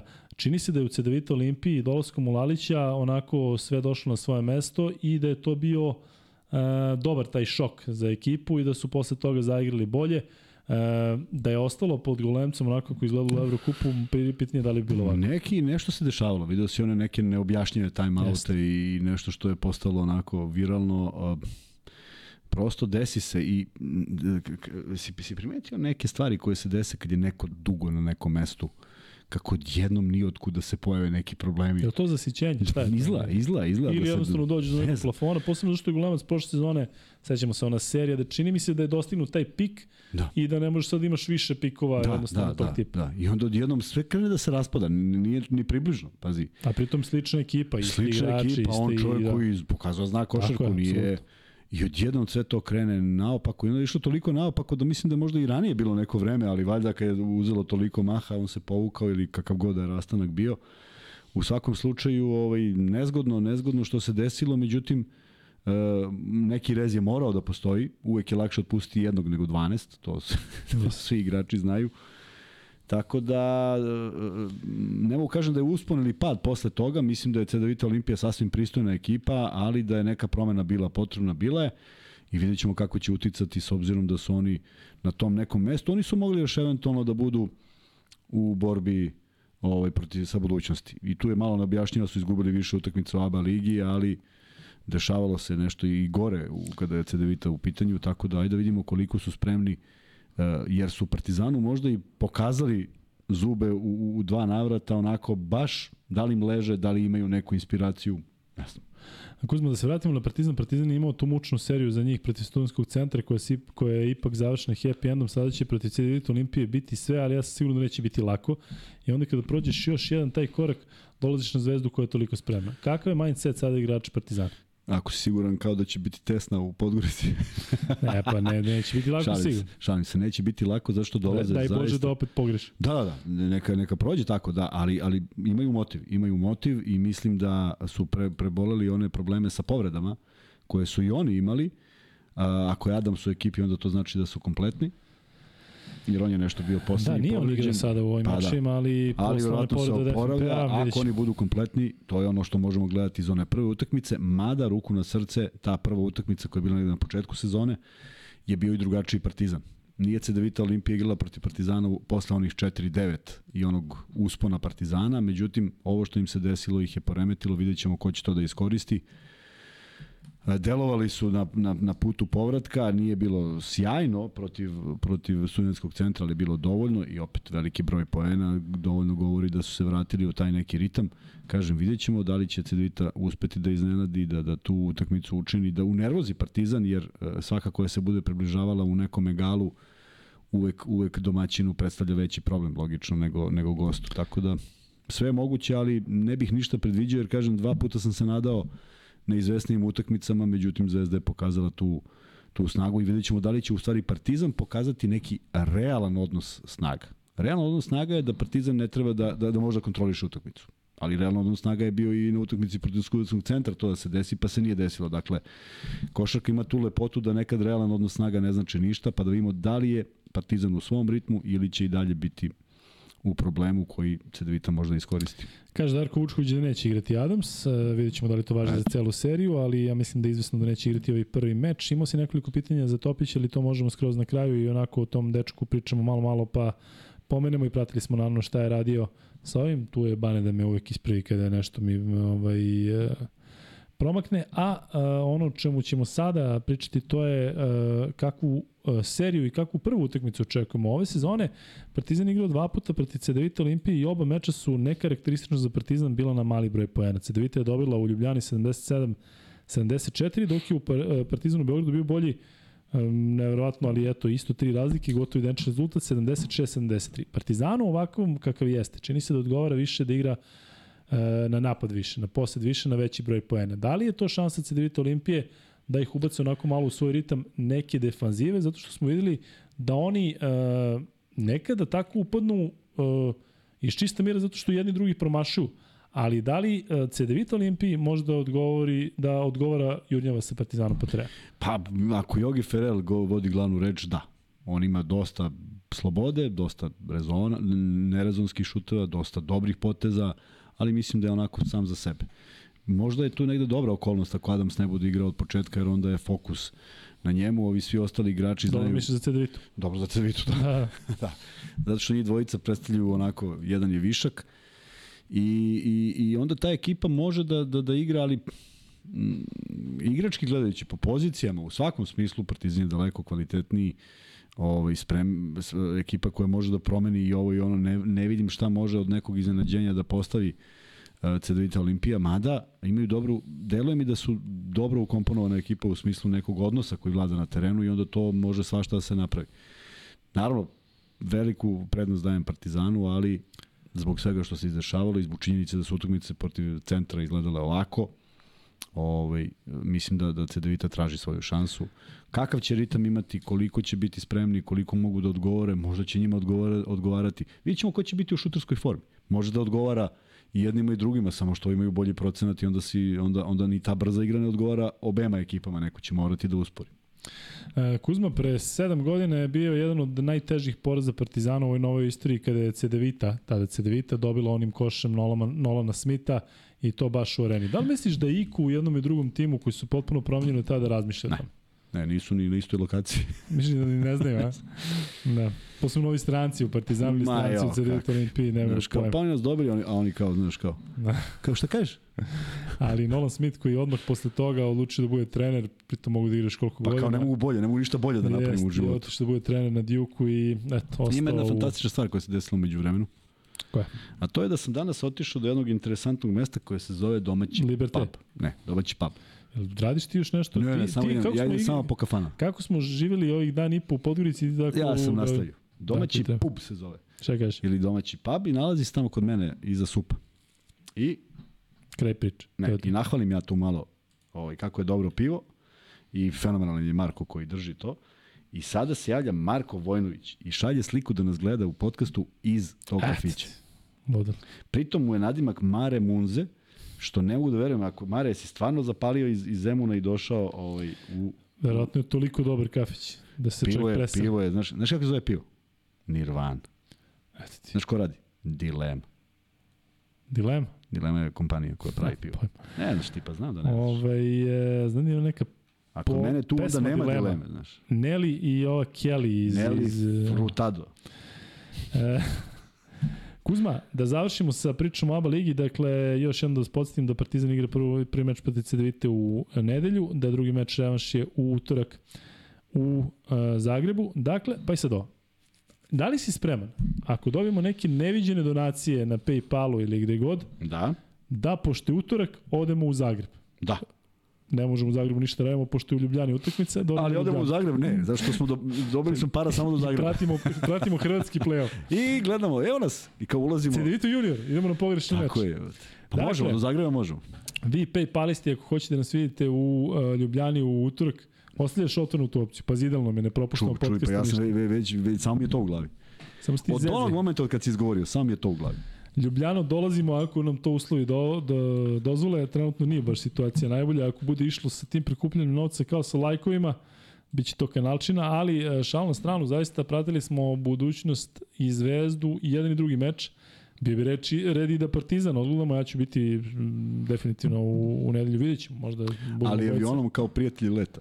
Tako je, samo kao prijatelji leta. Dakle, Ništa više da- ispod, da- ispod nivo ne, ne priznajem. Tako je. E, ako ništa, mislim da će karte za Ljubljanu biti jeftinije nego ove koje smo Neće, kupili u nažalost, posljednjem trenutku.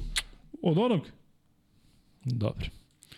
Ako ih uzmemo danas, ako večeras legne Možemo neki prijatelji, PayPal. prijatelji autobusom, možemo budemo veća varijanta. Da, koliko nam treba do Ljubljane kolima? A? Koliko nam treba do Ljubljane kolima? Ma ništa. Treba šest, Sedam a? sati. 6-7 sati. Pa dobro. I, I to može da bude opcija. To je najbolja opcija. Tako da vidjet ćemo u svakom slučaju što Od se tiče... prijatelja leta do prijatelja automobila. Mm, Da. Ne daj Bože autobus. Komarac, ima toga, možda ima toga. E, A, dobro. samo još jedna stvar. Iz ove slike danas koja je osvanula, na koji smo svi mi koji smo sedeli tamo ovaj, u tom kafiću. Svi mi je nema mene. A da, e, Zoran mi kaže da je dilema pivara iz Pančeva. Da, znam da je dilema pivara iz Pančeva i pravi odlično pivo.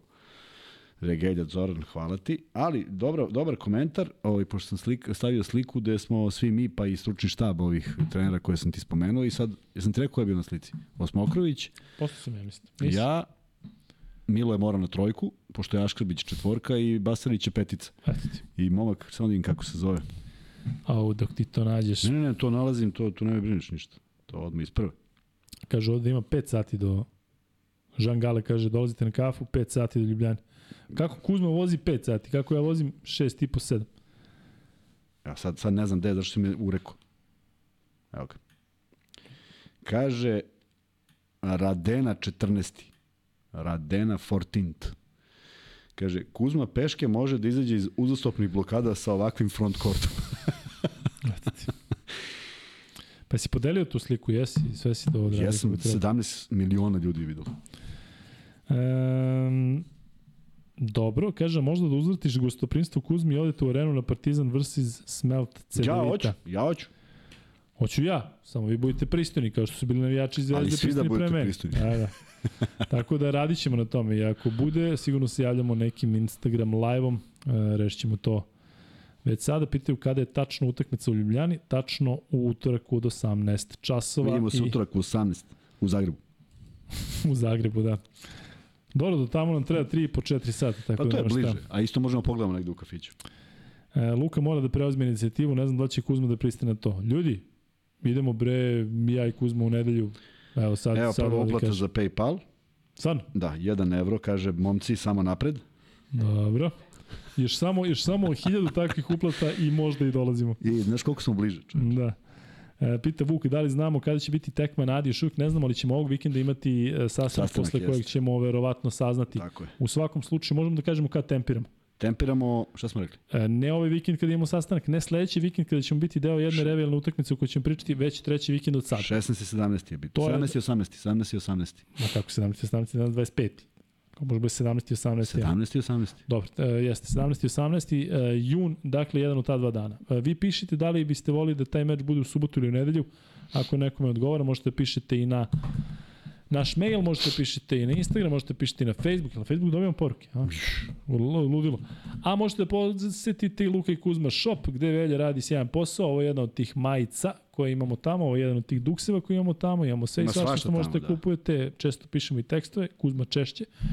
E, I e, vidjet ćemo, dakle, što se tiče svih tih stvari koje čekate Bićete da vam kažemo obavešteni, datume, da, bićete obavešteni čim Pratite. Instagram, pratite sve te zezancije. i Inače. Dejan Tiganj iz Beše Norveške ili Švedske, Švedske, ovaj, zahvaljuje se na, kaže, lepom prezentovanju njegove drage Crne Gore, pošto je on na, u Pečalbi i uplaćuje nam ovde ovaj, donaciju preko Paypala. Hvala Dene, ti si redovan i ovako i onako, hvala ti Hvala. Deki, voli bi da te vidimo ovde kod nas u Beogradu, ali nemamo ništa protiv ako to bude u Švedskoj ili u Crnoj Gori, znaš da sam ja živio tamo, igrao tamo. tako da Skupljamo za Švedsku. Da, da. sad da odemo da idemo Dakle, Jürgen Klopp dakle, protiv kada-. Kada sada stavljate na PayPal, kada imate donacije, u, naznačite zašto je. Dakle, PayPal Švedska. Ljubljana ili PayPal Švedska ili PayPal nešto treće. Ima i podračun. Tako da znamo. Da, u svakom slučaju ovaj, biće, biće još putovanje, biće prilike da se svi zajedno družimo. E, Kuzma, ali imaš nešto da kažemo o Nema ABA ligi i ovoj seriji? Jesi obećao ljudima da ćemo u nedelju biti u areni? Da zovemo za karte? Hm? Nisam obećao. Pa možda obećaš. Moram mi garantuju bezbednost. Da. E, šaljite na lukekuzme.gmail.com pisma bezbednosti, odnosno šta... Da li biste volili da nas vidite u areni?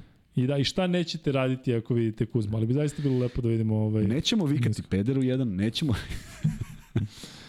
Evo, kažu grobali ovde da računaju tebe i mrtvi su ozbiljni, tako da ako su mene zvezdaši primili na budućnost zvezdi, to su mi primili onako, pevali smo zajedno čak i pesmu, jednu pesmu kada je bilo ovaj, upućeno jednom od sudija, tad samo što nisam ustao na stolicu onako da podržim. Eto, ovaj, bit će prilike da i e, Kuzma idu u arenu. Stavi Bane baš pol, e, koji se, i volao bih da vide da su samo to grobari. Da li da Kuzma prisutuje u nedelju u areni? Svi da se javi, i, i Delije i Grobar. I da, da, da, kažu. će da idu, ne, ne, ne, onda ćemo A, imati do, ovo. ne, ajde da vidimo. Da, dakle, ja samo da formulišem pitanje, kako Bano, ćemo stavimo, dakle, da li uh, želite da vidite Kuzmu u nedelju u areni? Da li želite da vidite Kuzmu u nedelju u areni? Da, ne, stavi opciju C, apsolutno me ne zanima. Da imamo ko će to da stavi. Ovo, i verovatno ljudi gledaju četvrto, koga bre, briga je. Vuk e, kaže završila se švedska liga. Neko mi je ovde bio napisao prošli put da je pobedio mu. Norrköping je pobedio Boros, igrao sam i protiv Norrköpinga. Taman kad smo Borosa. sve isplanirali. Jeste. E, kaže, Kuzma, dobrodošao si, samo buci crnu majicu, crnu majicu Luka i Kuzma i preko crni duks Luka i Kuzma. Tako da, ovaj, Pa u čemu je onda fora da se ja pojem? Treba u crvenoj da me svi vide. Jer bio bi jedini. Pa onda će i pljuca da leti na mene, tako da nema koji ste ti majicu ovaj... nosio? Kad u ovom? Belo. Ja sam čak neutral. E, pa onda ću ja belo. Eto ti. Ovaj bio sam neutral, nisam teo da se vežem crno, a crno da ne prozivam, tako sam ja odradio onako ovaj, solomonsko neko rešenje. E, ljudi, e, što se tiče za koga navijate, tu ćemo da vidimo sada kakav je konačan ishod. Konačan ishod je sledeći. Zvezda ima više Kuzma Zvezdaša. 54%, 36%, neko 4, 4%, budućnost samo 3%. Na ovih koliko? 800, to je 200, odnosno 25. Šta ti je čoveče? To je do- dosta za Crnogoru. Pa sam mislio sad posle ovog da smo bre... Tek će, tek će Razvali, da da. bude. Tek će da bude. Evo, kako se završila ova utakmica Zvezda u kupu, raste i e, broj ljudi u live-u, prebacit ćemo hiljadarku u nekom trenutku, to sam siguran, a fali nam još malo više od 100 lajkova da dođemo do prvog free beta, kako stoje stvari, vjerojatno ćemo opet da upucamo tri za redom. Kad smo kod free betova, ljudi, Kaži, razmenio sam 16 mailova s jednim momkom. šta kaže? Dakle, ovako. Kada dobijete free bet, to veče pošaljite da ga ja pošaljem. Ne za 7 dana i kažete, e, ja sam odgovorio na pitanje u podcastu 162. Niti pamtim, niti me zanima i drugo, imam obavezu prema ljudima iz Max Beta. Ne šaljamo mi to kad meni padne na pamet, nego se tačno zna šta i kako i koliko imena i sve to. Molim vas, budite ažurniji, pošaljite vaše podatke na vreme, a ne sa zakašnjenjem od 7 dana, jer neću, ne, ne, ne, imam neke druge stvari koje radim u životu. Nije samo ovo, a? Pa, mislim da je samo to. Još, još samo jedno. Da. E, mnogo hvala Max Betu, mnogo hvala Galensu, mnogo hvala Ultri koji su uz nas, to su zaista sponzori koji su se u različitim periodima priključivali ovom našem e, podcastu i ovoj našoj priči, ali svako na svoj način dao ozbiljan šmek i mnogo uticao da to bude popularnije, da bude gledanije, tako da hvala puno svima koji su uz nas, hvala puno svima vama koji donirate i kupujete na Luka i Kuzma shop.rs, zaista Uh, ulazimo uskoro u jednu novu epohu ovog podcasta i kažem bit će mnogo iznenađenja, ali trenutno je fokus na ovoj utakmici koju ćemo igrati zajedno sa vama sredinom juna kako stoje stvari. Kuzma, ali imaš nešto protiv da pređemo na uh, NBA ligu? Ne. E, dakle, ljudi, e, situacija je sledeća. E, Miami, Boston 3-1. Sledeća utakmica se igra u Bostonu i na programu je za 3 sata i 15 minuta, tako da u 2.30 Boston dočekuje Miami. Ja sam rekao da očekujem 7 mečeva i očekujem i dalje. Na 3-0 su svi otpisali Boston i ono što se meni ne sviđa, Kuzma, ti možda da se priključiš tom delu, zato što ne znam koliko pratiš zaista seriju i ovako neke detalje, ali već su krenuli da sklanjaju ovog trenera Maculu, već su krenuli, krenuli da prave neki rebuilding. Dakle, koliko je opasno uh, završavati priču pre nego što je završena. Govorili smo o preokretu Golden State-a, imali smo silne neke preokrete, I, i u Euroligi videli smo šta je uradio Real pod um, drugačijim okolnostima, ali neozbiljno je otpisati Boston jako je 3-0.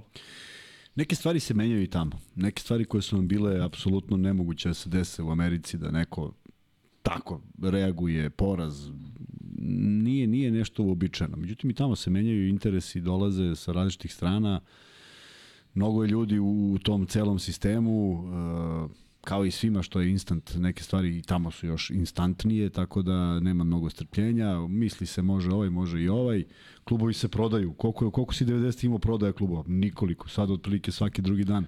Da, sad je to ozbiljan biznis i svako tako ugla. je, tako i... je. I na sve to, na sve to ide ova, ova fenomenalna izjava koju je izjavio neko, ne ih mogu setim imena, o Jokiću. To si video, verovatno. Fenomenalna izjava koju je izjavio neko mišljenje Gilberta Arenas. Fenomenalna izjava, da. Uh, da, da, video sam i ajde to ćemo da prokomentarišemo kad dođemo do onog dela, molim te, okej. zato što bih sada Okej. samo da se držimo na ovoj seriji, zato što ljudima je to ta interesantno. serija, ta serija je čudna zato što je, prvo niko nije sanjao da može da bude 3-1, je 3-1? E, 3-0 3-0 je bilo, 3-1, 3-1, da. tako je, smanjili su, naravno imaju, imaju dobar igrački kadar. E, inspiracija Majamija i sve što se desilo je ipak nešto što, što, što pokazuje karakter pojedinog i pojedinih igrača, u ovom slučaju ovog, kako se zove, Butler. Atlas se zove, da. Tako je, i on je iznao to sve i nekako u, svi, u svim snimcima, u svim pričama, u svim komentarima je on i tako je doneo i tu veliku prednost koja naravno nije gotova. Boston će pokušati, da li će uspeti vidjet ćemo vrlo brzo, ali kažem, uvek se čekao kraj sezone, nikada se nije otpuštalo ranije, drugačije stvari funkcionišu i mislim da su malo poranili. E, ne zato što mislim da će biti preokret 4-3, što je naravno uvek moguće, nego zato što jednostavno to nije u nekom duhu ovaj, NBA. Međutim, sve to nekako drugačije i vidjet ćemo kako će izgledati sledeće sezone i ko će najbolje proći i ko će Uh, ne ono uzeti na draftu ko je sad na draftu najbolje kaparisao. Nije više ni to garancija. Ogromne su razlike između igrača koji dolaze sa koleđa, koji dolaze u NBA. Mnogo je bolje kaparisati igrača koji dolaze iz Evrope, jer je već to igrač koji igrao sa igračima različitog godišta, ovi su igrali samo sa igračima do 23 godine i spremni su za neke veće izazove što su pokazali svi naši igrači koji su otišli i koji su se ovaj odlično snašli tamo. E, da, što se tiče te serije, dakle, bilo je 3-0 i način na koji je Miami pobedio Boston je bio takav da su zaista mnogi očekivali da će to da bude metla već u četvrtom meču gde je Miami naravno bio favorit. Dakle, dve pobede i to onakva druga pobeda u Bostonu i onda treći meč gde se očekivao otpor Bostona možda i da, da napravi, odnosno vrati jedan break. Međutim, znate koliko je Miami tu bio dominantan. Deluje da su se možda i oni ne mogu da kažem ispucali, ali jednostavno da, da ne može baš sve da ide onako lagano celu seriju. Meni je drago što je Boston uh, smanjio na 3-1 i kažem očekujem da možda bude i 3-2. Ako Boston uđe u, u, u tu seriju dve pobede, taj šesti meč za Miami će biti sve samo ne lak, zato što će pritisak biti ogroman da završe seriju na Floridi.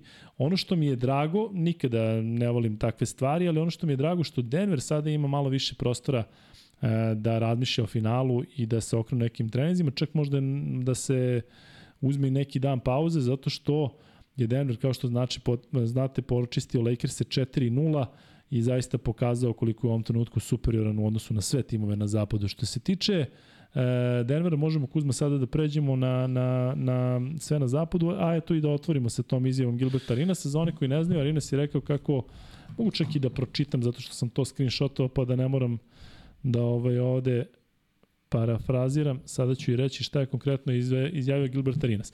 Pre toga moram da kažem da mislim da je to jedan eh, od tih napada na Jokića, dakle dečko još nije osvojio titulu, ali svi znaju da je tome blizu i već pokušavaju da ga ospore, ni podeštavaju neke stvari i uh, Gilbert Arinas je tokom karijere bio zaista sjajan napadač, ima utakmice 50 plus pojena, bio All Star, imao veliki ugovor, međutim nije on neko koga treba da slušamo, on nije na nivou Kendrika Perkinsa u smislu igrački, bio je bolji, ali na nivou nekoga ko želi da ispromoviše sebe kroz svoj podcast koji radi, mislim da je to jedan od tih pokušaja. Uh, Kendrick Perkins je hteo sebe da uzdigne sa onom izjavom kako Jokić statistiku, ne znam šta radi i da možda nije zasluženo došao do MVP nagrade. Sećate se da je ono bilo bombastično.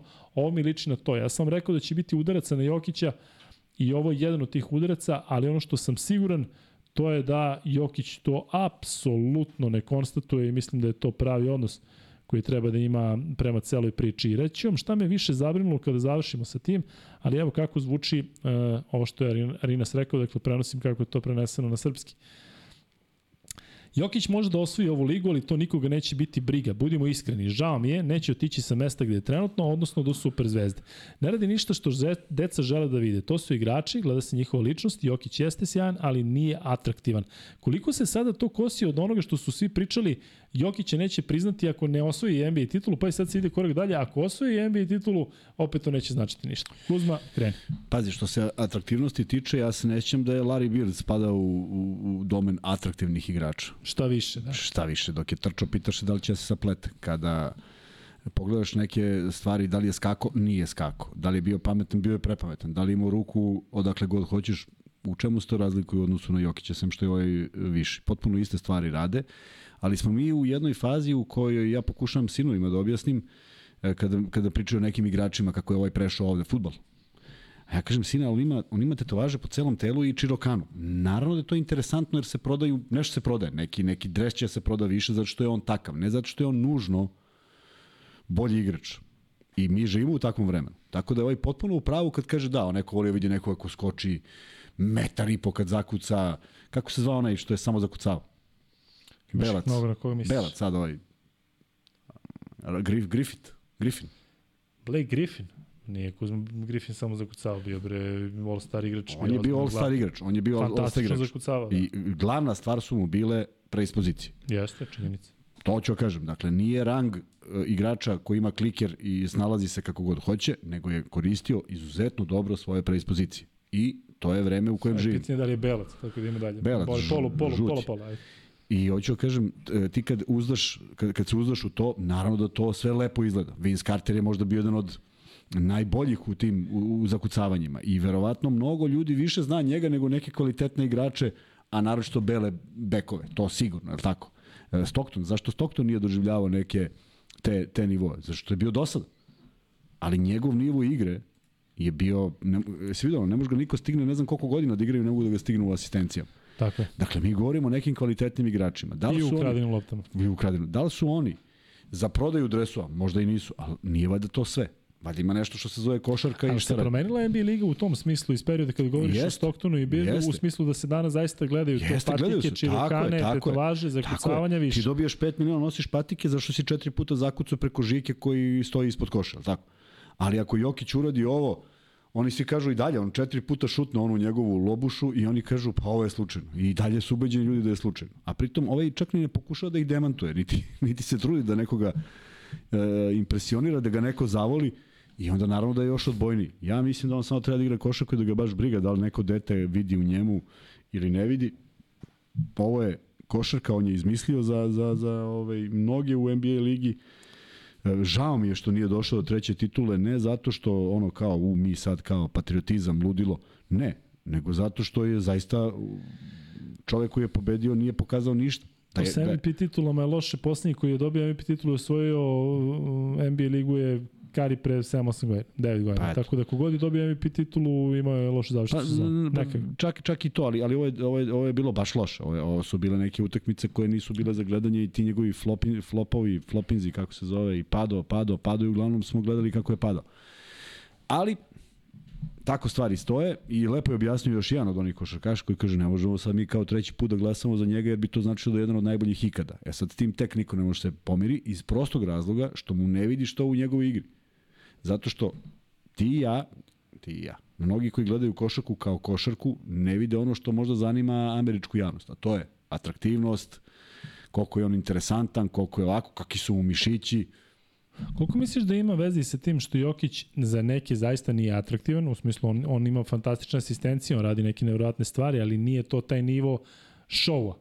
A, koliko misliš da je za njega loše što igra u zaista jednoj manjoj sredini koja je evo sada istoriju napravila tako što su idealno prvi put došli? Idealno za njega. Za njegov, njegov temperament. Vidi, ja ne znam da je on dao neki koš i gestikulirao prema publici. On čovjek trči nas doći da igra još.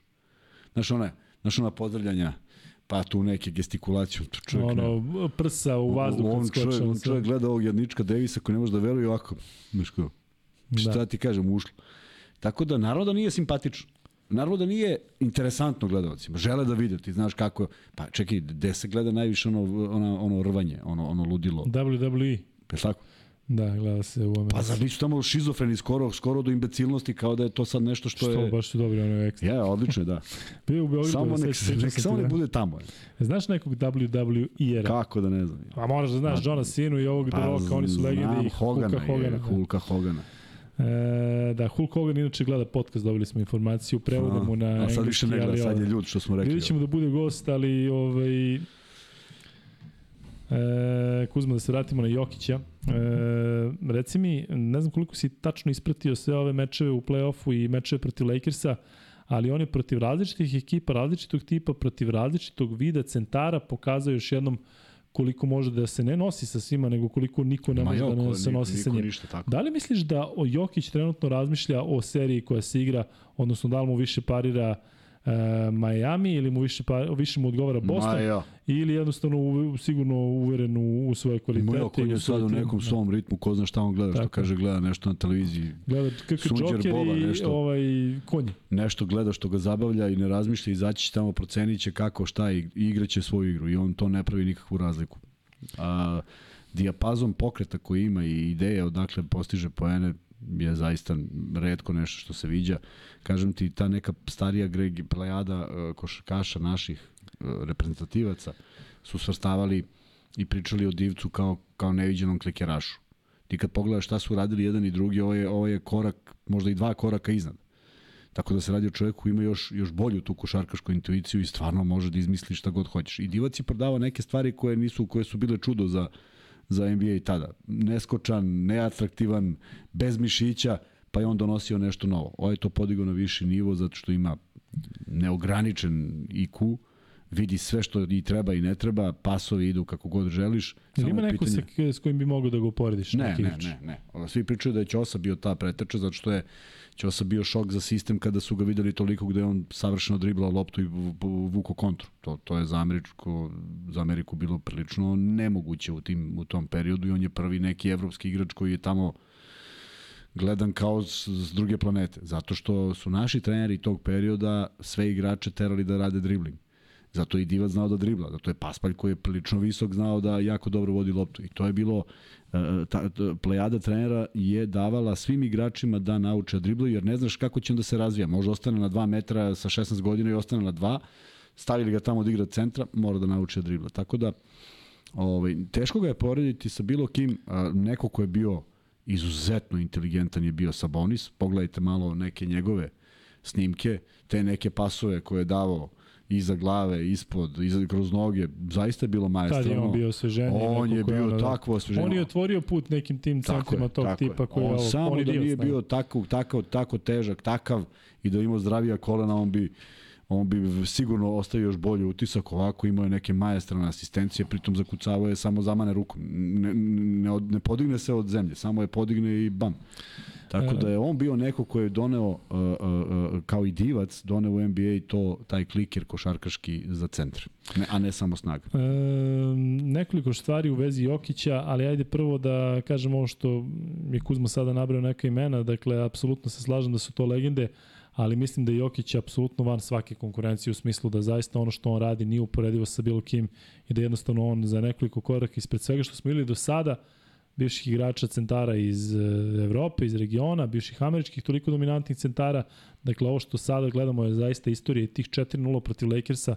Takva dominacija protiv jednog tima koji je pobedio šampiona 4-2, ušao sa neverovatnim motivom, dakle, tada su mnogi videli ne samo Lakers u finalu, u smislu sada, znaš, ono, Lakers i Boston, ne znam koliko je interesantno, Lakers i Miami, e, repriza tog finala iz Babla, već su Lakers se videli e, kako osvajaju titulu Jokić i Denver, ne možemo da izdajemo samo Jokića, su stavili takvu rampu za to da mislim da su onako prilično uplašili celu NBA ligu i NBA fanove koji navijaju za neke od ovih poznatih franšiza. Ono što je mene više uplašilo od ove besmislene izjave Gilberta Rinasa koji je hteo verovatno da ispromoviše malo više svoj podcast koji radi, jeste izjava od Jamala Mare.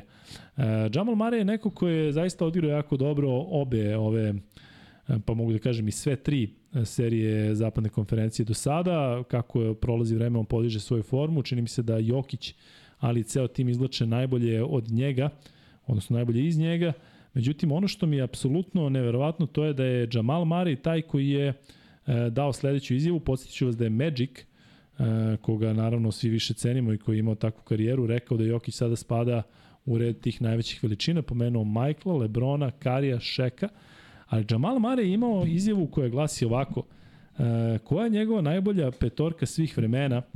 On je rekao da je to sledeća petorka. Jordan, Kobe Bryant, Steph Curry, Shaquille O'Neal i LeBron James. Dakle, taj dečko mora da ima osjećaj da igra sa najboljim, jednim od najboljih svih vremena. I po, često znamo kako igrači te neke svoje saigrače ili bivše saigrače favorizuju i ako im nije tu mesto.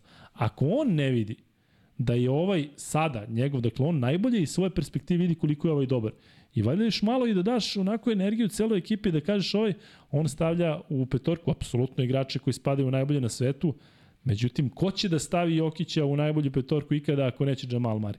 To je ono čega se ja bojim. Dakle, ako, ja sam i dalje siguran da Mari sebe vidi kao uh, prvog igrača tog tima, kao nekog ko treba da dobije loptu u odsudnim trenucima i zaista igra u fantastičnoj formi. Ali mene, Jamal Mari, i dalje plaši. Kaže nešto. Moli reći nešto potpuno sam zatečen sad. Slažem se, zato što su to oni koji vide, gledaju samo ja. Gledaju sebe i iznad su tima. Imali smo svi takve saigrače. Ja sam uvek uh, mislio da je, da je ono jedino što te spaja na terenu, to je poštovanje saigrača, to je preduslov. I potpuno si u pravu, ovo je odsustvo ovaj, svake logike, zato što verujem da, da, da Stockton je tvrdio da je Malone najbolji centar, a da je Malone tvrdio da je najbolji back Stockton, što je potpuno razumljivo, ima 2 miliona asistencija, ovo ima da. 4 miliona poena na, na osnovu tih 2 miliona asistencija. Ovo je vrlo, vrlo čudno, Taman je bio zaljubljen u ove igrače koji spomenu i nema tu šta da se... Tako je. Pazi, toliko, toliko sad mi imamo nekih igrača u poslednjih 15 godina, ne možda ne mariš. Ne mogu ja sad pričam da su ovi iz onog perioda bili najbolji kada se povećava broj tih najboljih. I jako Izvim, teško ja ne kažem da niko od njih ne treba da bude da, da, da, da, to, da, samo da, kažem da je možda ali ovde je negde logično i, i sad ti treba u stvari bez, nekog, bez neke sramote na svoj učinak da kažeš i evo meni je drago što igram sa jednim od najboljih i njega ću stavim eto zašto igramo zajedno. Čak i da se ogradiš tu i da napraviš neki fazon pa te niko neće zameriti. Ovako bude čudno, ali mislim da on zaista to misli što ti kažeš, da je on broj 1 i da je da je to da je on, znaš, malo su sačekali da uđe u formu, pa je sad ušao. E, možemo malo da se sada igramo sa polovima, dakle sa ovim da završimo. Da li želite da vidite Kuzmu Nelju areni? 100% žele. Tako da Kuzma, ovaj, da, 100%. 100%, dakle nema uopšte ovo ništa. Ovo je genijalna laže. Da, ovaj... E, Koliko je šefe? E, tu je, dobre. Ali, znaš koliko ima ovih što ih apsolutno ne zanima? 16%. A vjerojatno neko tamo ko gleda bre CDIT Olimpiju, sad ga briga da li će ovaj u areni da bude. E, ja, to su Slovenci, njima je sve jedno. Jest. E, Kuzma, e, odnosno, Bane, možda staviš ovo što o čemu Svi pričamo. Svi naši gledalci iz Sloveniji. Legoš neki Paypal, da vidimo kada već pričamo o Sloveniji. E, ali Bane, stavi pol, da li mislite da Jamal, da li mislite da Jamal Mari misli Može neki drugi glagol da u, u da li, potrebi, da li da smatrate, misli? da li smatrate da Jamal Murray uh, misli da je najbolji igrač Denvera? I samo stavi da ili ne, da vidimo da li ljudi šta misle o ome, o čemu pričamo. Kuzma, da se zadržimo još malo na Denveru, evo kako uh, domaći mediji prenose neke stvari, pošto sada svi pričaju o Jokiću apsolutno zasluženo. Neki domaći mediji su preneli sledeće. Kako bi ovaj to um, kako bi vjerojatno bili popularni. Poznata porno glumica u šoku zbog Jokića i Denvera. Opa! Metlanje Lakersa i još ne izlazi iz glave. Opa! Čuvena američka zvezda filmova za odrasle Lisa N komentarisala u belju triumf tima Nikola Jokić u finalu zapadne konferencije protiv Los Angeles Lakersa. Čekaj bre, da li je moguće da se ljudi bave takvim stvarima? Naravno da je moguće. Pa čitaš? Pročito sam zašto sam zapanjen.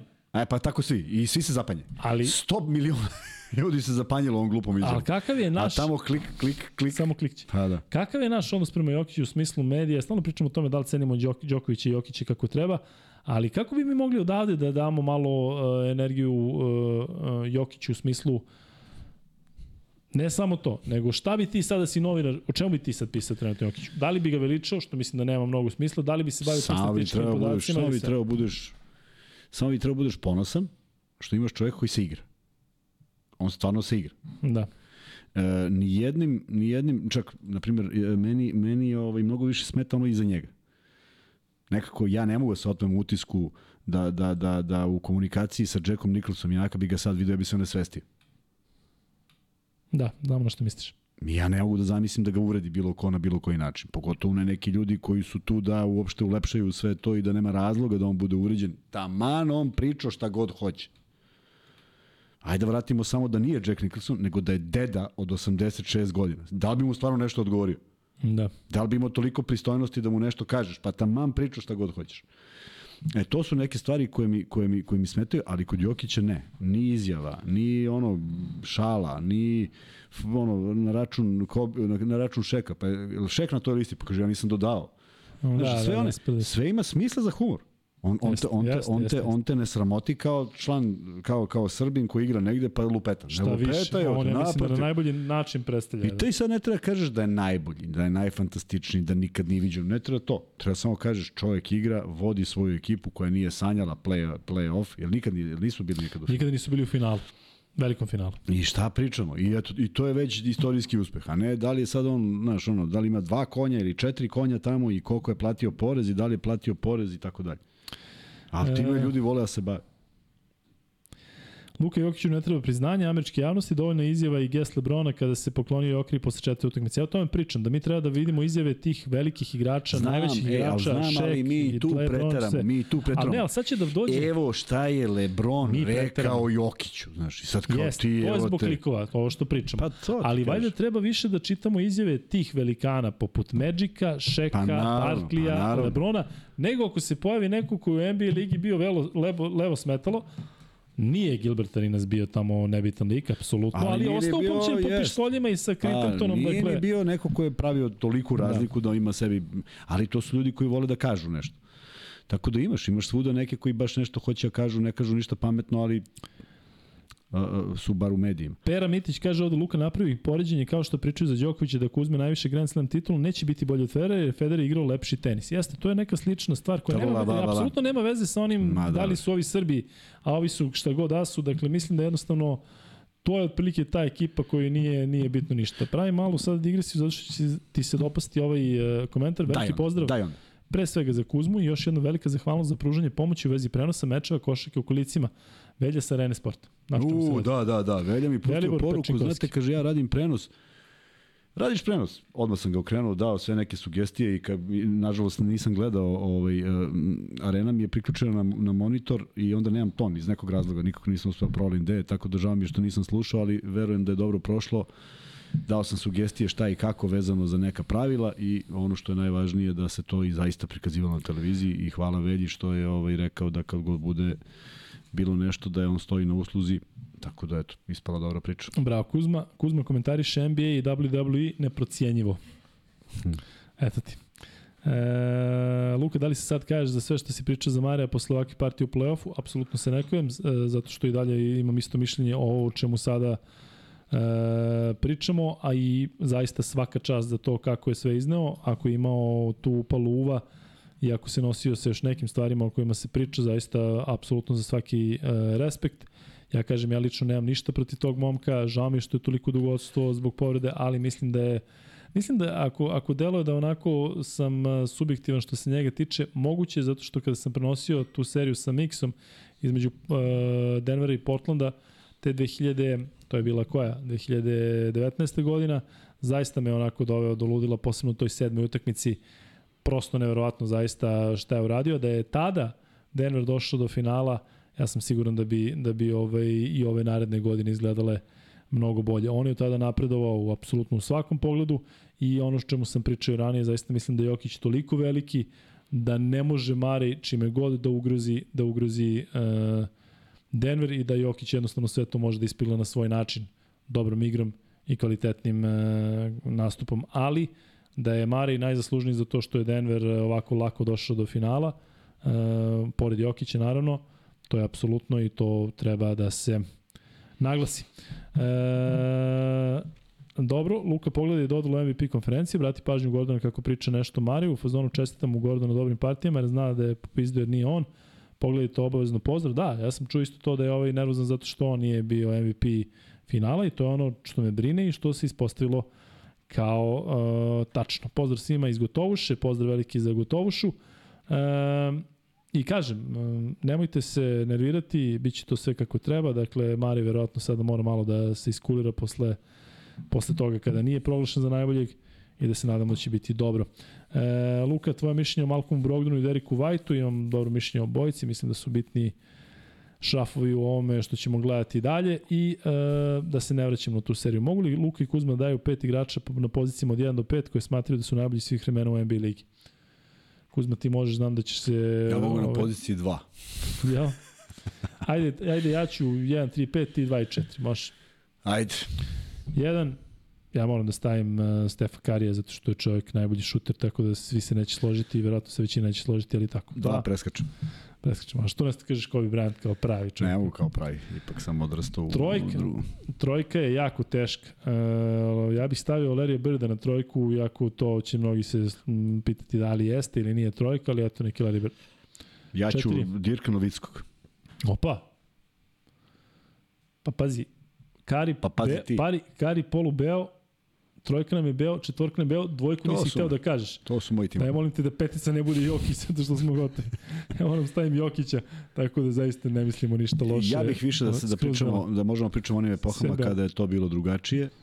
Da, drugačije kad smo pratili, kad sam, kad sam intenzivno pratio, jer uh, zaista od 90. do 2000. to je neko naše odrastanje, ajde da kažemo od 88. kada smo prvi put počeli da pratimo i, do, i ne mora dalje od Čikagove posljednje titule, tu sam onako stao. Uh, neverovatan broj igrača je prošao kroz uh, šampione. Zamisli ti sad, znaš, ja da kažem Dirk Novicki, a ti kažeš, ovaj, kako zove, e, Jokić, a na primjer bio jedan Olaj Džuvon. Od, od kojeg svi uče da igraju rad nogu. Mislim, i sad uzmite, pogledajte kako je, šta je čovek radio i koliko je bacao levo desno igrače. Tako da je jako teško, ovaj, zato bi moglo po epohama bi bilo neko pra, pravičnije, a, ali i tada je bilo Hall of Famera, ozbiljan broj, Detroit je bio, tada su prvaci bili e, kraj, kraj serije za Lakers-e, Lakers i Boston, početak 90-ih e, Detroit, kraj, kraj 80-ih Detroit, Chicago početak 90-ih, ulazi Houston dve sezone i Chicago ponovo tri. Znači imamo iz 6-7 ekipa ovaj, naj, odlične igrače, a imaš onaj Dream Team 92. gde je svih 12. Jedino, ja, ja mislim da je 12. bio onaj iz Atlante, kako se zvao? 12. iz Atlante. E, misliš 2000, 1992. Christian Leitner? Da. Da, nije bio iz Atlante, možda iz Vašingtona, ali on je tada... Ne, baš mislim da je iz Atlante bio. Uh, da je, kako god. Christian da. Leighton je došao sa koleđa, bio najbolji na koleđu. I zato je išao. I pritom su mnogi mislili zato evo još jedan belac i onda kao hteli su da ga ubace tu. I onda je Michael Jordan često govorio o tome i baš su ga isključili i rekli su imali ste u toj ekipi 11 najboljih igrača na svetu. To je bio eksperiment gde je on, ja mislim, najgore prošao zato što mu karijera posle nije bila baš Ništa, kako da, treba, ali igli su zajedno posle u Washingtonu. Jeste. E, Kuzma, još malo da se zadržimo na, na onome što nas čeka, odnosno da se vratimo na taj na duel između Denvera i Lakersa. Nisi sigurno očekivao 4-0, ja mislim da niko nije. Ne, ne, ne, nisam. Nisam očekivao sam ono, povratak, ali ne mnogo više od 2. Da, znači 4-2 4-2 je bio plafon, jer ovi su i veći u godinama istrošeni i gledao sam kako igraju i neke neobjašnjive stvari su i tamo dešavale i mislim da je opet jedan tim iskočio, iz, jedan, jedan čovjek iskočio iz tima u, u želji da bude taj koji donosi, strašno loš procenat šuta u celoj seriji, je tako, za, da. za tri poena. Znaš, mora naš neke svoje limite, a ja mislim da oni to stvarno ne mogu da, da, da izvagaju tek tako. U krajnjem slučaju, uh, pitanje, evo sad ide neka šokantna vest, on se povlači kao sad, naš, što, A. što ne znam koliko je istina ili neistina, ali... E, Ostavljaju kao opciju zato što ja mislim hoće malo da, da zatalasi. Ali neće to biti, vidi, ja, ja samo ne znam kako neko ima želju da, da te neko pamti ne onakvog u svom prime. Ne kaže da treba prestaneš sa 32 godine. Ali on stvarno deluje kao da bi mogao da bude još na ovom nivou. Samo da bi mogao, ali to ne ide tako. Gledamo neke neverovatne stvari koje on radi. Neverovatno loše za igru. Šutevi, airbolovi, o, koraci, dekoncentracija. Znaš, da, ima to, to više nego ranije, da. Pa to upravo ti kažem. Ne možeš čovjek, ne možeš telo više, umoriš se bre u nekom momentu. Bez obzira što on vodi sigurno ono najzdravije moguće. On kažu da ima onaj pokretan pokretnu hiperbaričnu komoru, izlazi pravo na utakmicu iz toga. Ne, ne, da, on troši milion i po godišnje na pa da, Sve je to u redu, ali da za održi. čemu? Znaš, zar nije lepše odiš i kažeš, ej bre čoveče, bio si broj, otišao si kao broj, aj ne moraš kao broj 1, broj 2. A bojim se ne budeš broj 21 i onda je ozbiljan problem. Pazi, on je rekao da mu je cilj da igra zajedno sa sinom Bronijom. E, jebi ga, dobro, to je lep, lep Zamisli poželi da igra sa unukom, šta ćemo raditi? Pa da ostane do 2040. To je glupost. Kako on uvek ima odgovor, viš. Ja kažem, on odmah unuka, unuka, neređenog unuka. Ovaj, pa, sad će ovaj brzo da dobije dete i Rade na tome, rade na tome. Aleksandar Dačić ima jako dobar komentar, ja se tim apsolutno slažem i onako prilično je ukratko objasnio se ovo čemu ja pričam stalno. Ima veliki ego Mare, ali je majstor, nema šta. Slažem se potpuno. Luka, da li misliš da Boston može da preokrene? Momci kidate, pozdrav za celu ekipu iz Slovenije, gledate se i ovde. Nadam se da se uskoro gledamo uh, i uživo, ali ima Paypal neki donacije? Ima Dejan Tigran. A možda se i ne gledam. E, da, e, mislim da Boston može da preokrene i da mnogo zavisi od ovog meča koji počinje za 2 sata i 45 minuta. E, dobro, bilo je mnogo pitanja, nešto ćemo proći u, onoj posljednjoj rubrici, odnosno u posljednjem sektoru kada bude sve onako malo šareno, pa ćemo se vratiti na neka pitanja i komentare koje ste imali do sada. Fali nam još 66 e, lajkova da dođemo do, do, do 500. I Kuzma, mogli bismo već sada da završimo sa NBA ligom i da već. pređemo na taj na slobodne teme. Slobodna tema prva je, e, dakle, ono što su pitali o Topiću, E, šta misliš, koliko bi, pričao o Topiću, naravno, kao što inače šta god hoćeš, ali šta misliš koliko bi za njega značilo da recimo bude na nekom od tih e, dobro poznatih širi spiskova reprezentacije? Ja bih ga odmah uvrstio. Kao jedan od prioriteta. Verovatno znajući da neće biti u 12. Verovatno znajući, ali da, da se bori. Ja bih ga uvrstio odmah. Ne bi bio ni prvi ni poslednji put, imali smo takve slučajeve. Ne kažem da je u tom rangu, ali ne kažem ni da sam nešto ovaj, malo, da, da imam neki prigovor na to kako igra. Prema tome, zašto da ne ubaciti ga u vatru i, i e, posle jedne čudne sezone koja je svakakva, ajde da kažemo da možda u ovom sastavu Zvezda nema to iskustvo koje bi bilo potrebno, ali neko će u jednom momentu morati da prelomi. Zato što mislim da se radi o jako kvalitetnom dečku i koji može da izdrži te neke, ne samo napore, nego neke zadatke. Mislim da je to pokazao i ja bih volao da ga vidim u ako ne u 12 zbog uh, dužine sezone i svega što smo shvatili da je potrebno više od 12 igrača, ali evo koliko sad zvezda ima igrača? Dvojica fala, tako Lazarević i Holand. Ne računam da. Raduljicu od početka, nije, nije mi bio u Dakle, 12, 14. E, voleo bi da ga vidimo u 14 ili u 15.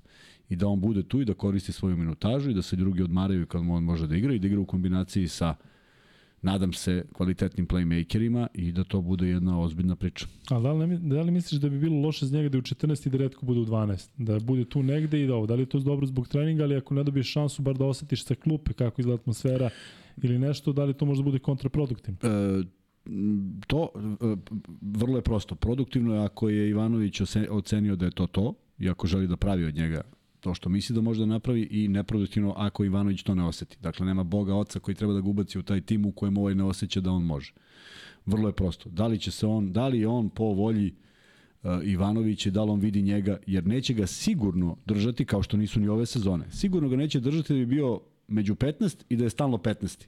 I da ne oseti teren. Nema nikakvog smisla ali vidjet ćemo na što je spreman Ivanović na, u narodnoj sezoni i ko će biti taj dvojac nekih playmakera koji moraju da imaju veće iskustvo i, i drugačiji da budu, a onda koristi šansu kao neki treći, možda i četvrti, možda sa nekim kombom i tako dalje.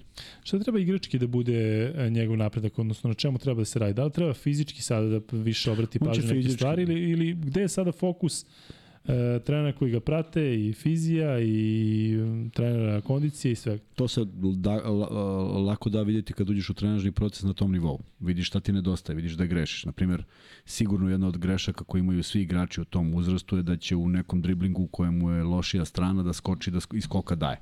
To vidimo i od boljih igrača, ali to su neke greške koji mlad igrač može da nauči mnogo lakše nego da ispravi pod, starije, pod stare dane. E, sigurno da mu nije isti ulaz levo i desno. Sigurno da može da poradi na nekom šutu jer će se suočiti sa igračima koji su mnogo brži i nećeš moći tako slobodno da da šutneš, morat ćeš malo više napora da uložiš, ali meni ono što ide, onako, zašto ide u prilog sve njemu, zašto mislim da on to jako dobro čita u uzrastu u kojem se nalazi. I da jako lepo sebe dovodi u situacije koje su košarkaške, deluje mi da kada je neki zadatak na terenu ne ispada iz toga, da će napraviti faul kad treba, mnogo čak nekada i ozbiljnije deluje nego pojedini uh, saigrači, prema tome ja bih ga svakako voleo ovaj, u, u sastavu Zvezde, jer to je onda prava, ne kažem da je loše igrati ABA ligu u nekom drugom timu i biti predvodnik neke generacije, ali i tu zavisi s kim igraš i kakvi su planovi i kakvi su odnosi. I ono što je vrlo bitno, pobednički mentalitet. On ide samo kroz pobede. Ne možeš ti da budeš pobednički mentalitet dovoljno si dobar, ali baš ti nije ekipa neka pa gubiš, jer to svakako ulazi u glavu. Kaže, vrlo aktivni Sala Dačić, kada je Ćale Milenko Topić uzimao šut za 3 pojena, ja sam znao da ulazi mali izgleda da je pokupio karakter od Ćala, te svaka čast treba yes. da se priključi na način tim. Yes. Jel vidiš sličnosti neke Kuzme jako ne igraju na istim pozicijama? Ti nećeš verovati, taj jedan njegov ulaz, taj jedan njegov ulaz ovaj, na onom turni, onome, kada je dao pobednički koš na turniru, u Beogradu kad su izgubili u finalu protiv Megija, pobedili, ne mogu setim, Čačak ili neko. Juniorski uh, Junior. Srbije. Ej, tačno, kako sam, kako sam vidio taj ulaz, tačno sam se setio identično pozicija tela, identična kretnja Milenko. Samo su dimenzije drugačije, Milenko je bio Milenko je bio, Milenko je viši i igrao na drugoj poziciji. Ali Ili imate prosto... primjer oca i sina gde je otac igrao tako visoko, a sin e, niže? Rakočević stariji je igrao na kojoj poziciji? Dva, isto koji sin. Pa da, ja ne mogu da, da se setim nekoga koji je imao da je bio tako. Ajde ova familija Grant, Harvey Grant i Horace Grant po ovoj igraju niže, pa, nemaš. kod nas teško. Pa evo mi ma i, i pa ok, Nakić, Nakić mali igra nešto 2-3, je li tako? Da. Ćale je bio 3-4. Jeste, 4. da, malo niže. Pa da. Ja. Sad nam i vi, evo, ovaj, ako se setite, dajte neke primere, što naše, što inostrane. Uh, Kuzma sa Topića ćemo preći na Albu, koja je završila sezonu zato što je poraženo od Urma, Ulma u prvenstvo. Eto, eto priča eto. se o tome kako negde se nastavlja prvenstvo, ali eto, igrači Albe su do ovog trenutka Završili. na odmoru. Kako to komentarišeš, da li to ulazi u ono što smo pričali, dakle da jednostavno ta Alba igra opušteno i Euroligu, očigledno i domaće prvenstvo i to je to. E, jedno veliko razočarenje to što se desilo sa album, zato što mi se čini da koliko god je bilo simpatija pre i kao oni davali neke rezultate, ova sezona je baš bila onako poprilično loša. Jedino što su radili mi deluje da su pobedili zvezdu i da im je to highlight ove sezone. Loše plasirani i sad ovaj šok za sistem, zato što uh, čitao danas neke najave da kao procene su da će Barcelona smanjuje budžet. To da nam je sledeće pitanje e. koje isto pitanje. Da. E sad, sad misli u skladu s tim, sad neko dođe i kaže slučajno onako, kaže, čekaj, koliko smo mi potrošili prošle godine? 18, 12, 6 miliona. Pa, pa, pa čekaj, sad nema smisla. Jer ako si potrošio, šta, koliko treba potrošiš da bi bio konkurentan? Još ispadneš u domaćem prvenstvu. Ozbiljan problem. I ove godine mi Alba, osim, kažem, te pobede koja me iziritirala mnogo, jer ne mogu da verujem da je to možda jedna od najvažnijih utakmica ove sezoni i značila bi mnogo Zvezdi za dalje, da se toliko podbaci, da, da, da, ona, da oni triumfuju i vrate se u neki kolosek posle serije poraza i evo sad pokazuju u stvari da to sve ništa nije valjalo i vidjet ćemo kako će sad to da se odrazi na ostanak i Izraelov, Izrael, Izrael Gonzalez već. Da, zovemo trener prvim imenom. Da. Izrael, danas ga zovem Izrael. I Šarunas će vjerojatno da napusti ovu... Biće, biće tu mnogo. E, sad vidjet ćemo kako će neko da reaguje. Zato što ogroman novac je uložen u Albu, to, to sam ubeđen. A zaista, ako mi ovde pričamo, ej, evo Zvezda već koliko, pa nikako ovo, evo sad Partizan kiks, znaš, pa čekaj, a ovi drugi šta da pričaju? A mi, mislim da su im duplo veće pare, zato što su tamo porezi nenormalno veliki. Znači, ako njima to treba pet, to znači da je to u Nemačkoj zaista 10 miliona. E, da pređemo na Barsu i na ovo što si već načeo i ljudi su pitali, dakle što se mene tiče, ja mislim da to skrećenje budžeta na za 11 miliona, za, manj, za 25%, ja mislim da to možda utiče dobro na ekipu. Očigledno da ovaj sistem, sve pare sveta imamo, daj da kupimo kogod hoćemo, pa, nije dobar. dođe kraj, pa naravno. U kombinaciji promene trenera, izgleda da izvesno da će Ćavi Paskval da, da nasledi Šaruna Seskevičiusa, e, mislim da to može potencijalno da bude dobro za Barsu. Da se možda okrenu nekim e, domaćim igračima, znamo koliko je Španija dominantna u košaci trenutno na svim mogućim frontovima, da možda povuku neki igrače iz Juventu da sa Tenerifa iz Unikahe, govorimo onim igračima koji su recimo bili u reprezentaciji, da možda oni budu ne lideri ekipe, ali eto ispostavilo se da u um, Realu imamo te uh, toliko poznate igrače koji su domaći i zna se šta znači slačionič i šta znači timu. Što se mene tiče, uh, vidjet ćemo kako će se završiti ova sezona u Endesa ligi, a i mislim da to čak i neće uticati mnogo na narodnu sezonu što se tiče nekih odluka. Kuzma, kako ti komentarišeš Barsu i to? Smanjenje 25% i dalje veliki budžet i možda napraviš šta god hoćeš. Jest. Mislim da se otišlo jako daleko u tome svemu, uh, bar što se nekih plata pojedinih igrača tiče, ne mislim da oni ne zavređuju daleko od toga, ali ispostavilo se da ti koji su najskuplji ne donesu i, i, i uspeh. Nije nužno da donesu i uspeh. Tako da treba biti pametan, treba vagati. Evo sad, znaš, mi slušamo o žalopojku Panatanikosa već godinama, sad oni frljaju neke milione za ovog, za onog, a ljudi prosto, kako bih ti rekao, bačene pare sedam godina unazad. Da. Šta sad, hoćete još? Jer nije to rešenje. Pa da jeste, onda bi Barcelona četiri godine za redom bila prvak, pošto najviše. Jel misliš da ima možda neke veze sa futbolskim timom koji je toliko izdominirao ove sezone u Španiji, pa tipa i naravno da je mnogo veći budžet futbalske sekcije, ali tipa ovi pobeđuju, daj bre da sve guramo njih, a vama evo malo manje, pa šta uredite, uredite. Mislim da su se razočarali. Mislim da je mislim da je jedna od ove tri sezone bila taj bumčić da bi sve ostalo isto. Nikako da. ne bi pričao. A ovako, ovako dođe neko iz kluba i kaže, ok, to nisu velike pare za futbol. I nisu sigurno. Ali zašto? Čekaj, šta radite? Još izgubiš od Reala. Šta me zanima, kako to funkcioniše u smislu sada recimo da Mirotić i ovi igrači imaju potpisane ugovore na, na duže. I ako ti sad Mirotiću već znaš koji daješ novac, još četvorici, petorici, onda ostaje jako malo novca za ove koji treba da dođu. Da li potencijalno to možda utiče i da se njemu smanji ugovor do sada negde? Može ako hoće. Mm, da. E, ako neće, ne može. Ja i dalje mislim, a evo pitaću i tebe, da ovo možda utiče dobro na beogradske timove, na Zvezdu i Partizan, da igrači poput Mirotića, Veselov, Kalinića budu pristupačni. Tako da ja sam rekao da bi, da bi to bilo moja želja da ih ponovo vidimo u Beogradu. E, Kalinić je u Zvezdi, Veselog u Partizanu, a Mirotić e, gde god. Vidi, imaš sad tu jedan osnovni problem koji ne mora da bude problem, ali mislim da u najavi postoji. Menjaće se neki treneri, već slušamo tako priče. Neće svi biti oduševljeni timom koji, koji nasleđuju. I tu može da bude da dođe do nekih pregovora, razgovora, otkaza i tako dalje. Dakle, mislim da će doći do određenih turbulencija. Mm, mislim da, da može da se, da pre svega mislim na Barcelonu. Mislim da Armani mora opet nešto da uradi jer ne može ni oni ne mogu više da troše novac onako bez veze, bez obzira što ih zadesili problemi, a mogu, može se desiti da drže po potpuno isti sastav, pa kao ajde nismo bili zdravi, pa ajde da probamo sledeće sezone. Ali nekako mi deluje da po svim ovim pričama deluje da će biti manje para u opticaju ovaj, sledeće godine. Da. E, Kuzma, Naravno što da... ako neki igrači napuste ligu. Ajde vidjet ćemo, da, da ne govorimo napred, bit će prilike da, da vidimo šta se dešava na na svim tim frontovima. Evo malo da prokomentarišemo, vidimo da kažete ovde i za Morente. Si vidio Kuzma Morent koji se nešto divljivao na društvenim mrežama pa su mislili da će da se, što bi rekao Pavle Vujsić u Majstori Majstori, da će da se samo ubije. Jesi vidio to nešto? Nisi ispratio ništa. Uh, ja Morant, mahač da, pištoljem. Ovaj, mahač pištoljem je napisao kao hvala tati, hvala mami, hvala čeri što si bila najbolja na svetu, doviđenja, prijatno. I sad došla policija da vidi šta je s njima i rekao kao prostio sam se samo društvenih mreža. Pazi, on se sa porodicom oprašta preko društvenih mreža. Da. da li taj dečko želi da bude u centru pažnje? Očigledno da želi, ali meni se čini da on to apsolutno mogao košarkom. Šta se dešava u, u glavi kada si ti tako dominantan dešava se da je ovo, Dešava se da je to magija koja privuče i ti si tu u nekom virtualnom svetu zaista broj 1. A stvarno kad pogledaš Instagram, pištolj, ovo sve što se dešava, izgleda su... njemu to... Gledalo 40 miliona ljudi. Jo, strava je. A gledate, 100 miliona te gleda na nacionalnoj televiziji kada igraš. Pa Zato tu, ne tu to. vidite, ovo je još lepše, ovo je, ovo je brzo. Ovo je Bolje, Pa ovo je, dokazali su sad psiholozi, pažnja traje 10 sekundi, koliko traje onaj klipić.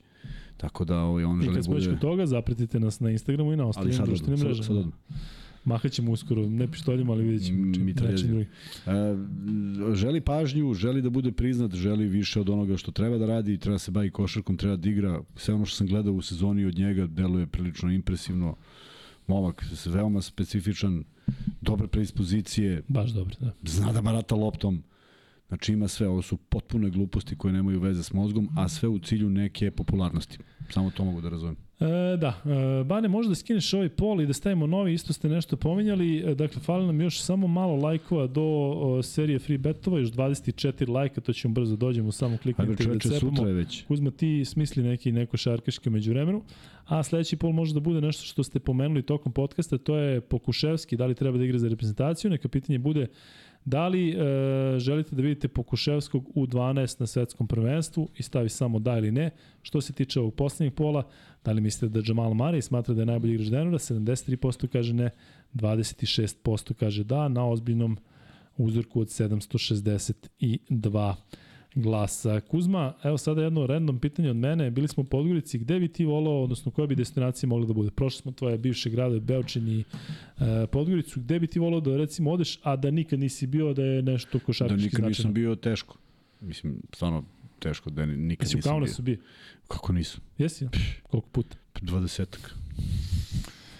E, Nemam šta da ima do Kaunas. Rekli smo da je Čačak e, najverovatnije sledeća opcija. Ako Čačak ne... imali su dosta poziva, da. I Jeste. Velja ima društvo iz Čačka i onda bismo mogli zaista da organizujemo svi, svi zajedno. E sad tu bi bila zgodna i neka KLS utakmica da Jeste. se desi i to bi onda bio pun pogodak. Posebno I... kod play-off, ja mislim da bi to bilo pa. Da, pa da, tako da eto planiramo to, ako imate neke predloge, sugestije, tu smo da ih čujem. E, dobro, Što se tiče lajkova, stigli smo do 481, Daj, do 482. E... Da mogu ja prvi ovaj ne, ne, neko šarkaški? Ajmo. Cepaj, prvi neko šarkaški, max bet, free bet, odnosno prvo pitanje glasi ovako, ko odgovori prvi, dobije 1000 dinara. A, kako se zove film koji sam nedavno gledao, ponovo, ovaj, malo je stariji, ne pretirano stariji, 10-15 godina, 15 godina. A, Maestralni Denzel Washington čiji sin oboljeva, oboljeva od uh, ima problem sa srcem i odlazi u bolnicu. Kako se zove film? Jesi prvi put gledao taj film? Nisu. Uh, pa što da si gledao nedavno? Nedavno sam ga ponovo gledao, pa sam se podsjetio. Da, uh, Denzel je to snimio u periodu kada su mu zaista svi filmovi bili blockbusteri i imao je prilično dobru uh, ekipu glumaca, tu je recimo Robert Duval, tu su još neki zaista ozbiljni, ozbiljni glumci, ali da je film prilično težak jeste. James Woods tu, koji inače nice, voli da igra negativce, glumi dobro, zatim Anne Heche, koja je takođe doktorka ili nešto osiguranje u toj, koja je imala zaista najneverovatniji, naj e, gori mogući način na koji je poginula prošle godine, prosto neverovatno zaista ovaj, šta se desilo devojci koja jeste imala svoje probleme, ali eto taj film zaista jeste Boga mi onako, 21 ono- godina od filma. Nije baš, 21, nije baš 10-15. Da. E, neverovatno da imamo promaše i to od naših onih redovnih. Šta kažu? Pa pišu ovde sve i svašta, a film se naravno zove John Q. Prvi koji odgovori u live chatu je i Srki, nije naš Srki veliki koji je tu, već i Srki koji često dobija ove free betove, tako da evo, imamo training day, imamo He Got Game, ali nije to Philadelphia. U svakom slučaju nije to, već je ovo drugo.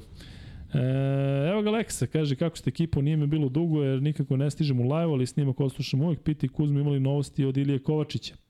Na šta se mislite? Kuzma? Ne, nije mi se javio Ilija zauzeti, ali ovaj, da, pa možda i ti znaš. Uh, za ovu komentatorsku školu. Dobro. Kako to funkcioniše, da li ima mesta, kome da se javi i sve to.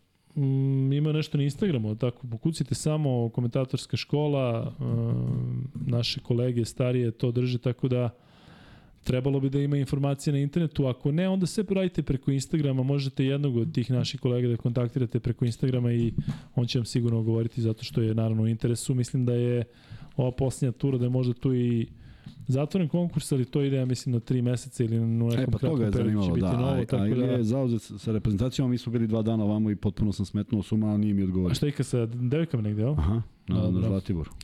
E, dobro, evo kažu ti bravo Kuzma za pitanje, vrhunski film. Apsolutno E, vrhunski hvala. e, film. Hoćemo i drugi da bude neko šarkaški i takođe u vezi Denzela Washingtona. Ajde. A, koji film je Denzel Washington snimio kasnije, posle Johna Q-a, gde je alkoholičar koji je ujedno i pilot i ima legendarnu rečenicu na suđenju kada kaže Bože pomozi mi pre nego što otvori dušu i kaže sve kako jeste. Kako se zove taj film Denzela Washingtona, mogu bi treći da bude ovaj neki košarkaški da nešto izvučemo. A vidi, ovi lajkuju tek kada krenemo da postavljamo freebete, možda idemo pogrešno. Sve, ovaj. sve naopako.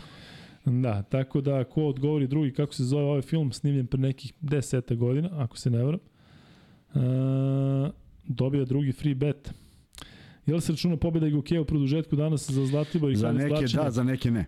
izvlačenje random će biti, da, neki da, neki ne, šalno stranu kogod je pogodio svih pet, naravno Igokeja se računa kao pobjeda i izvlačenje je u ponedljak, već smo imali ta pitanja. Flight je tačan odgovor, Petar Mitić, e, super genije iz filma Davitelj protiv davitelja, dobije drugi free bet, dakle Pero šalješ na lukajkuzma.gmail.com i Kuzma, mogli bi zaista lagano da završavamo i imamo još i treći free bet e, koji e, će biti u vezi NBA lige. Vi znate da ja stalno forsiram te naše igrače ili igrači iz regiona. Sada smo bili u Crnoj Gori, pa sam pod utiskom e, u smislu šta smo videli tamo, pa mi je asocijacija da bi mogli da pitamo nešto u vezi Nikole Vučevića koji je završio sezonu.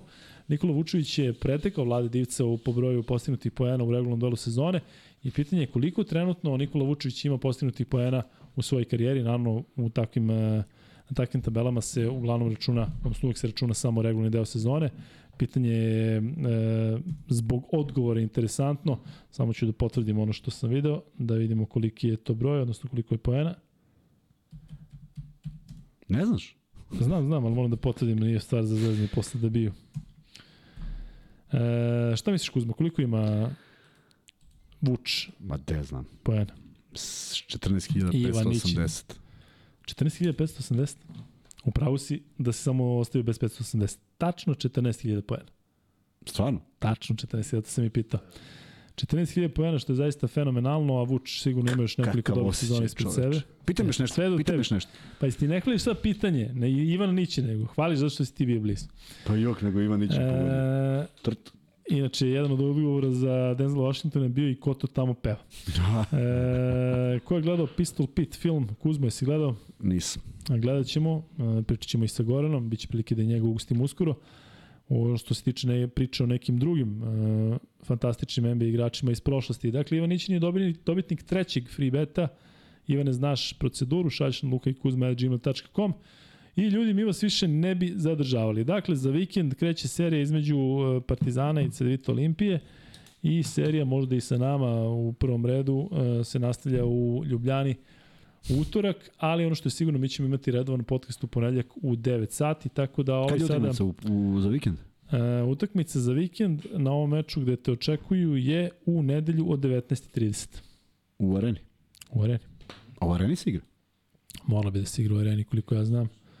Piše Beogradska štarka A šta je arena. onda bio problem? Gde je bio problem? Ne, ja znam, verovatno, malo da se zakuva, ali A, Beogradska dobro. štarka arena piše na sajtu ABA lige i ja koliko sam čuo, to je dakle izvesno. No, mislim da je pod znakom pitanja kao treći meč ako ga bude, ali o tom potom. Dobro. E, Kuzman, imaš još nešto da dodaš ili da ova tri sata druženja kompletiramo i da se oprostimo ljudi koji Da. zaista ima dosta. Jeste. Za jedan ovakav dan zaista mislim da je super što vas ima i dalje preko hiljada, hiljadu i eto, to je to. Šta imaš da kažeš? I ne samo to, vi koji ste gledali futbal, pogledajte, bilo je interesantno da što pričamo o nečemu što nam se desilo sad unazad dva dana. O, i hvala svima na druženju, hvala svima na, pod, na porukama i uopšte ovaj, na, na, na, na lepim rečima. E, stavili smo, zaboravili smo, pričamo o, o Mihajlu, morat ćemo, morat ćemo sledeći put. Zašto je za vikend akcija za Mihajla, nismo ništa pričali o toj, ali ćemo da to u ponedjeljak. Ili ćemo negde da To je sledeći ti vikend, oni Slede- tamo. Da, oni tamo, da. da bit će prilike da pričamo Da, i učestvovat ćemo se zašto su ovaj, I vi zajedno s nama. divni momci organizuju. Mi ćemo pokušati da budemo deo toga i da komentarišemo utakmicu finala. I Stevan Rašinac je svašta nešto smislio po tom pitanju, tako da ćemo nadati, mo- nadamo se da ćemo u, u, uvezati te dve naše akcije i da produžimo tu neku humanitarnu akciju i na našu utakmicu, ali o tome zaista više kad budemo imali neki neki, nek, ne, neko, neko, neke informacije uh, sa Ade, da vidimo kako to stvari stoje i da možemo da podelimo s vama kad, šta i kako. Lex, ja nisam gledao Air, Kuzma nisi ni ti ovaj novi film sa Benom Affleckom i Mattom Damonom u vezi Jordan. ništa novo, ja Jordanki. ništa novo ne gledam. Ozbiljan film na foru dokumentarca o tome kako Jordan potpisao ugovor sa Nike-om i ako Nike bla bla bla, jeste dobar film, Lex, drago mi što si gledao, gledat ću ja, gledajte i vi. I to je posljednje što ćemo vam reći sada u ovom podcastu, 177. je završen, vidimo se u ponedeljak, u narednom. Ćao. Opa! Dok si rekao kje? Evo, još što tamo?